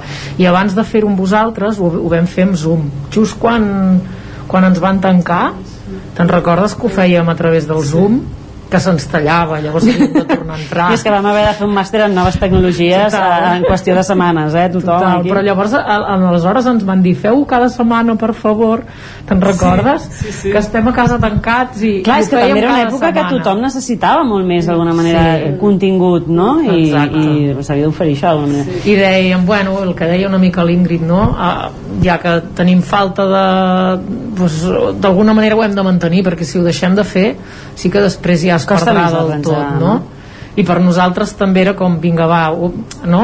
forçar-nos a malgrat que veiem que l'essència del grup s'havia perdut però bueno, una mica en, ens hi anàvem enganxant i ens en forçàvem a seguir i no abandonar-ho perquè si no és això, eh, el més fàcil és que diguis bueno, ho deixo de fer i no ho volíem deixar de fer Clar, però el que hem, hem vist sí que aquest col·lectiu sí que demana que estiguis en el mateix espai, no? Clar. Que demana aquesta proximitat, no? El col·lectiu i al final estem parlant molt del col·lectiu però és tothom eh, que ho necessitem perquè eh, a mi també m'ha costat molt eh, poder-ho fer presencialment però, però ostres, divendres passat per mi va ser immens i altra gent que ha vingut que no tenen cap dificultat lectora però doncs perquè quan ho fèiem per la feina no podien entrar-hi o pel que fos també ens ho han agraït que, que hàgim tornat o sigui que en realitat era, ho estaven esperant i això, això és i una això gran notícia, no? Saber que tornes sí. i que t'estan esperant. Exacte. Vosaltres feu el, els de mot en mot cada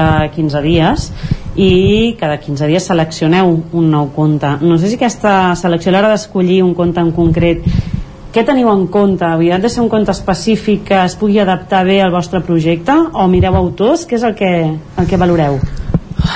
Ho hem fet una mica des de, jo crec que tot el grup el fem des del nostre amor pel conte, no? I, i una aposta molt clara pel català, el conte en català, és a dir, o escrit en català o traduït al català, i autores, no? Perquè passa això, no? Que hi ha un munt d'autores que, que, no? que amb molt de talent i igualment seguim pensant més fàcilment en autors no? masculins llavors això sempre triem en funció d'aquests dos criteris en català i, i autores i el que no fem, i això també ho hem fet de manera tossuda i, i, i convençuda no, no, no triem contes fàcils podria ser, alguna vegada és un conte més fàcil alguna vegada és un conte més, més complicat però una mica l'experiència ha estat que la conversa és tan interessant eh, que no, no cal, o sigui, no, no, no- volem ser condescendent, no? De fet, és una mica la idea aquesta, és igual, podem venir amb qualsevol conte, que a vegades és difícil, fins i tot per nosaltres, però la conversa és el que és interessant, no? Llavors hem triat contes que ens agraden, i seguim triant contes que ens agrada, i alguna vegada, no? Per alguna vegada algú ens ha dit, és molt difícil, no? Sí, però el que és interessant és veure entre totes, no? Que, que, val, però tu què has, què has sentit, no? Què, què has vist en aquest conte? I a més a més fem, no? O sigui, si és, si és difícil, no?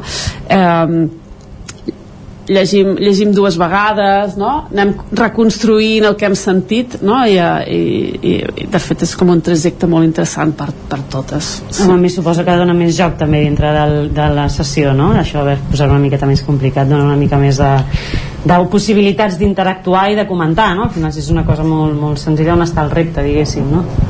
Sí, no, també coneixem que existeix la lectura fàcil, però a mi personalment no sé per què lectura fàcil em genera una mica com de... Uix. És que el nom ja no convida, eh? És que no convida lectura fàcil a llegir, no? I, pe i penses, no, això, ho hem debatut més d'una vegada. Bueno, ho hem debatut, no?, perquè ho tenim molt clar les dues ho veiem igual, o sigui que no genera debat, però ho hem parlat, no?, de dir per què hem de fer lectura fàcil?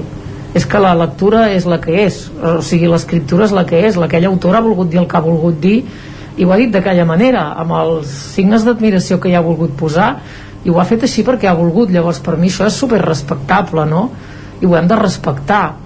I aquests llibres se'ls estan perdent aquestes persones i els hi hem d'apropar aquests llibres de qualitat que en un altre espai no els llegiran no els tindran a l'abast no, no, ni els escoltaran per tant és un espai per fer-los descobrir aquesta literatura escrita tampoc fem no, no expliquem contes perquè tampoc, perquè el mateix que et deia perquè volem ser molt respectuoses amb la literatura escrita i no ens volem perdre res no? que després a l'hora de llegir-ho a vegades tenim més habilitat o menys però això és un altre tema que a vegades no, t'entrepusses o, o dius ai perdó, torno enrere no? que era un interrogant bueno, aquestes coses que a vegades del neguit també provoca però realment no, no i, i no sé i no, no penso hi ha com un estigma jo crec que les persones que tenen dificultats si han de posar les coses fàcils i no és posar-li les coses fàcils és ajudar-los o és acompanyar-los a que puguin, no? a que els hi pugui arribar el que hi ha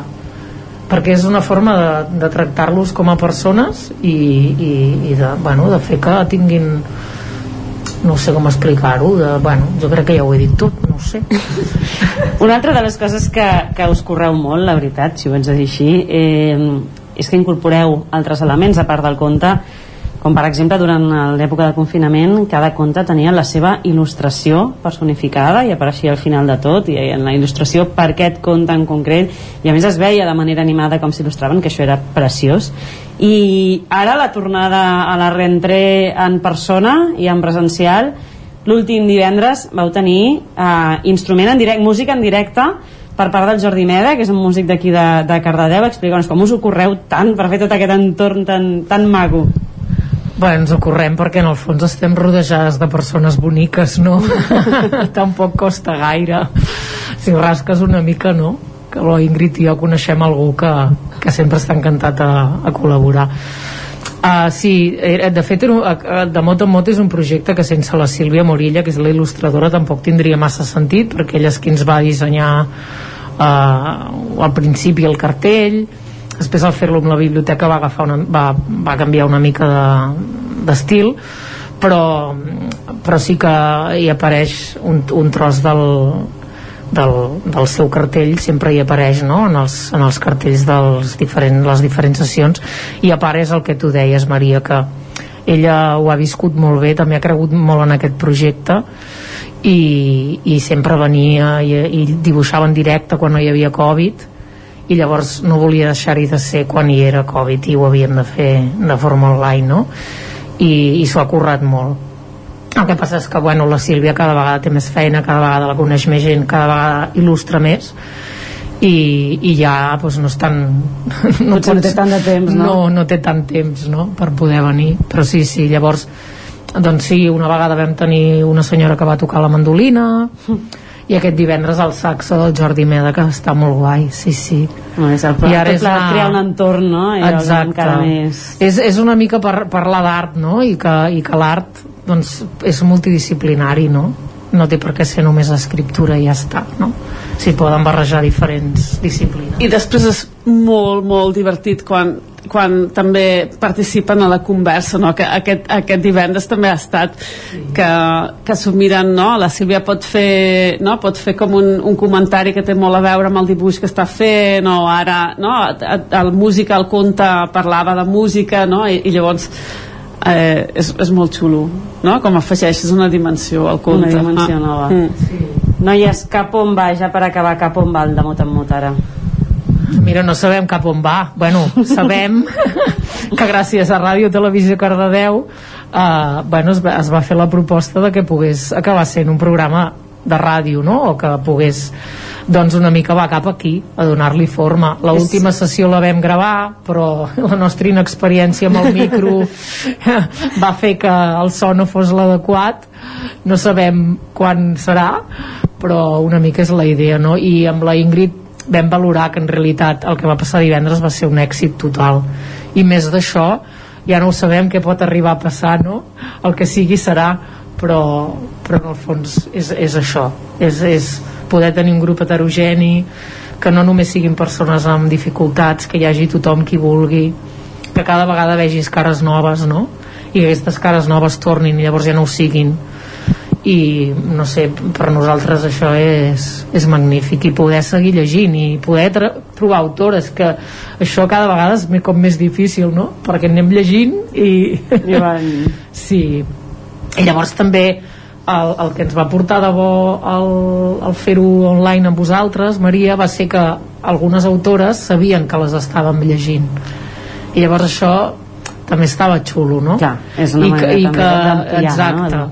i que arribàvem a més gent, que una mica ja ho ha dit abans la Ingrid, que no és el, no és el mateix l'altre dia érem potser 13 que, per, que ja és un èxit perquè no podem fer un grup de lectura per 30 persones en presencial però sí que si hi ha més gent que ho escolta que hi ha gent que, que li arriba no? I, que, i que li agrada escoltar el que està passant doncs pensem que, que és superxulo no?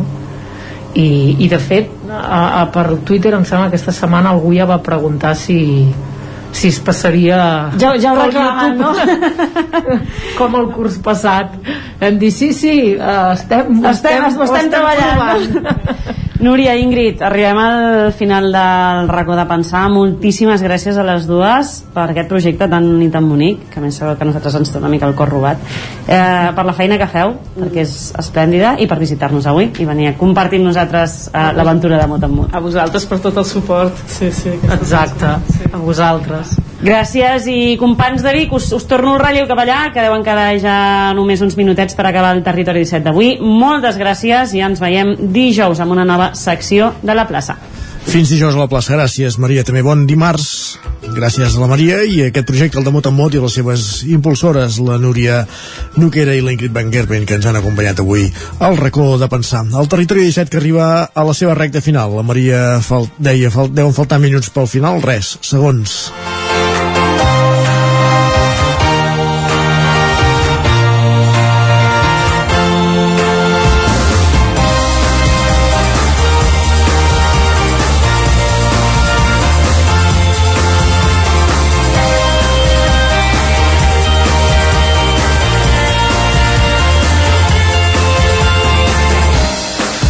El territori 17, l'espai que us ha fet companyia des de les 9 del matí amb Caral Campàs, Pepa Costa, Guillem Sánchez, Jordi Givert, Txell Vilamala, Arnau Jaumira, Núria Lázaro, Joan Carles Arredondo, Isaac Muntades, Òscar Muñoz, Maria López, Jordi Sunyer i Isaac Moreno.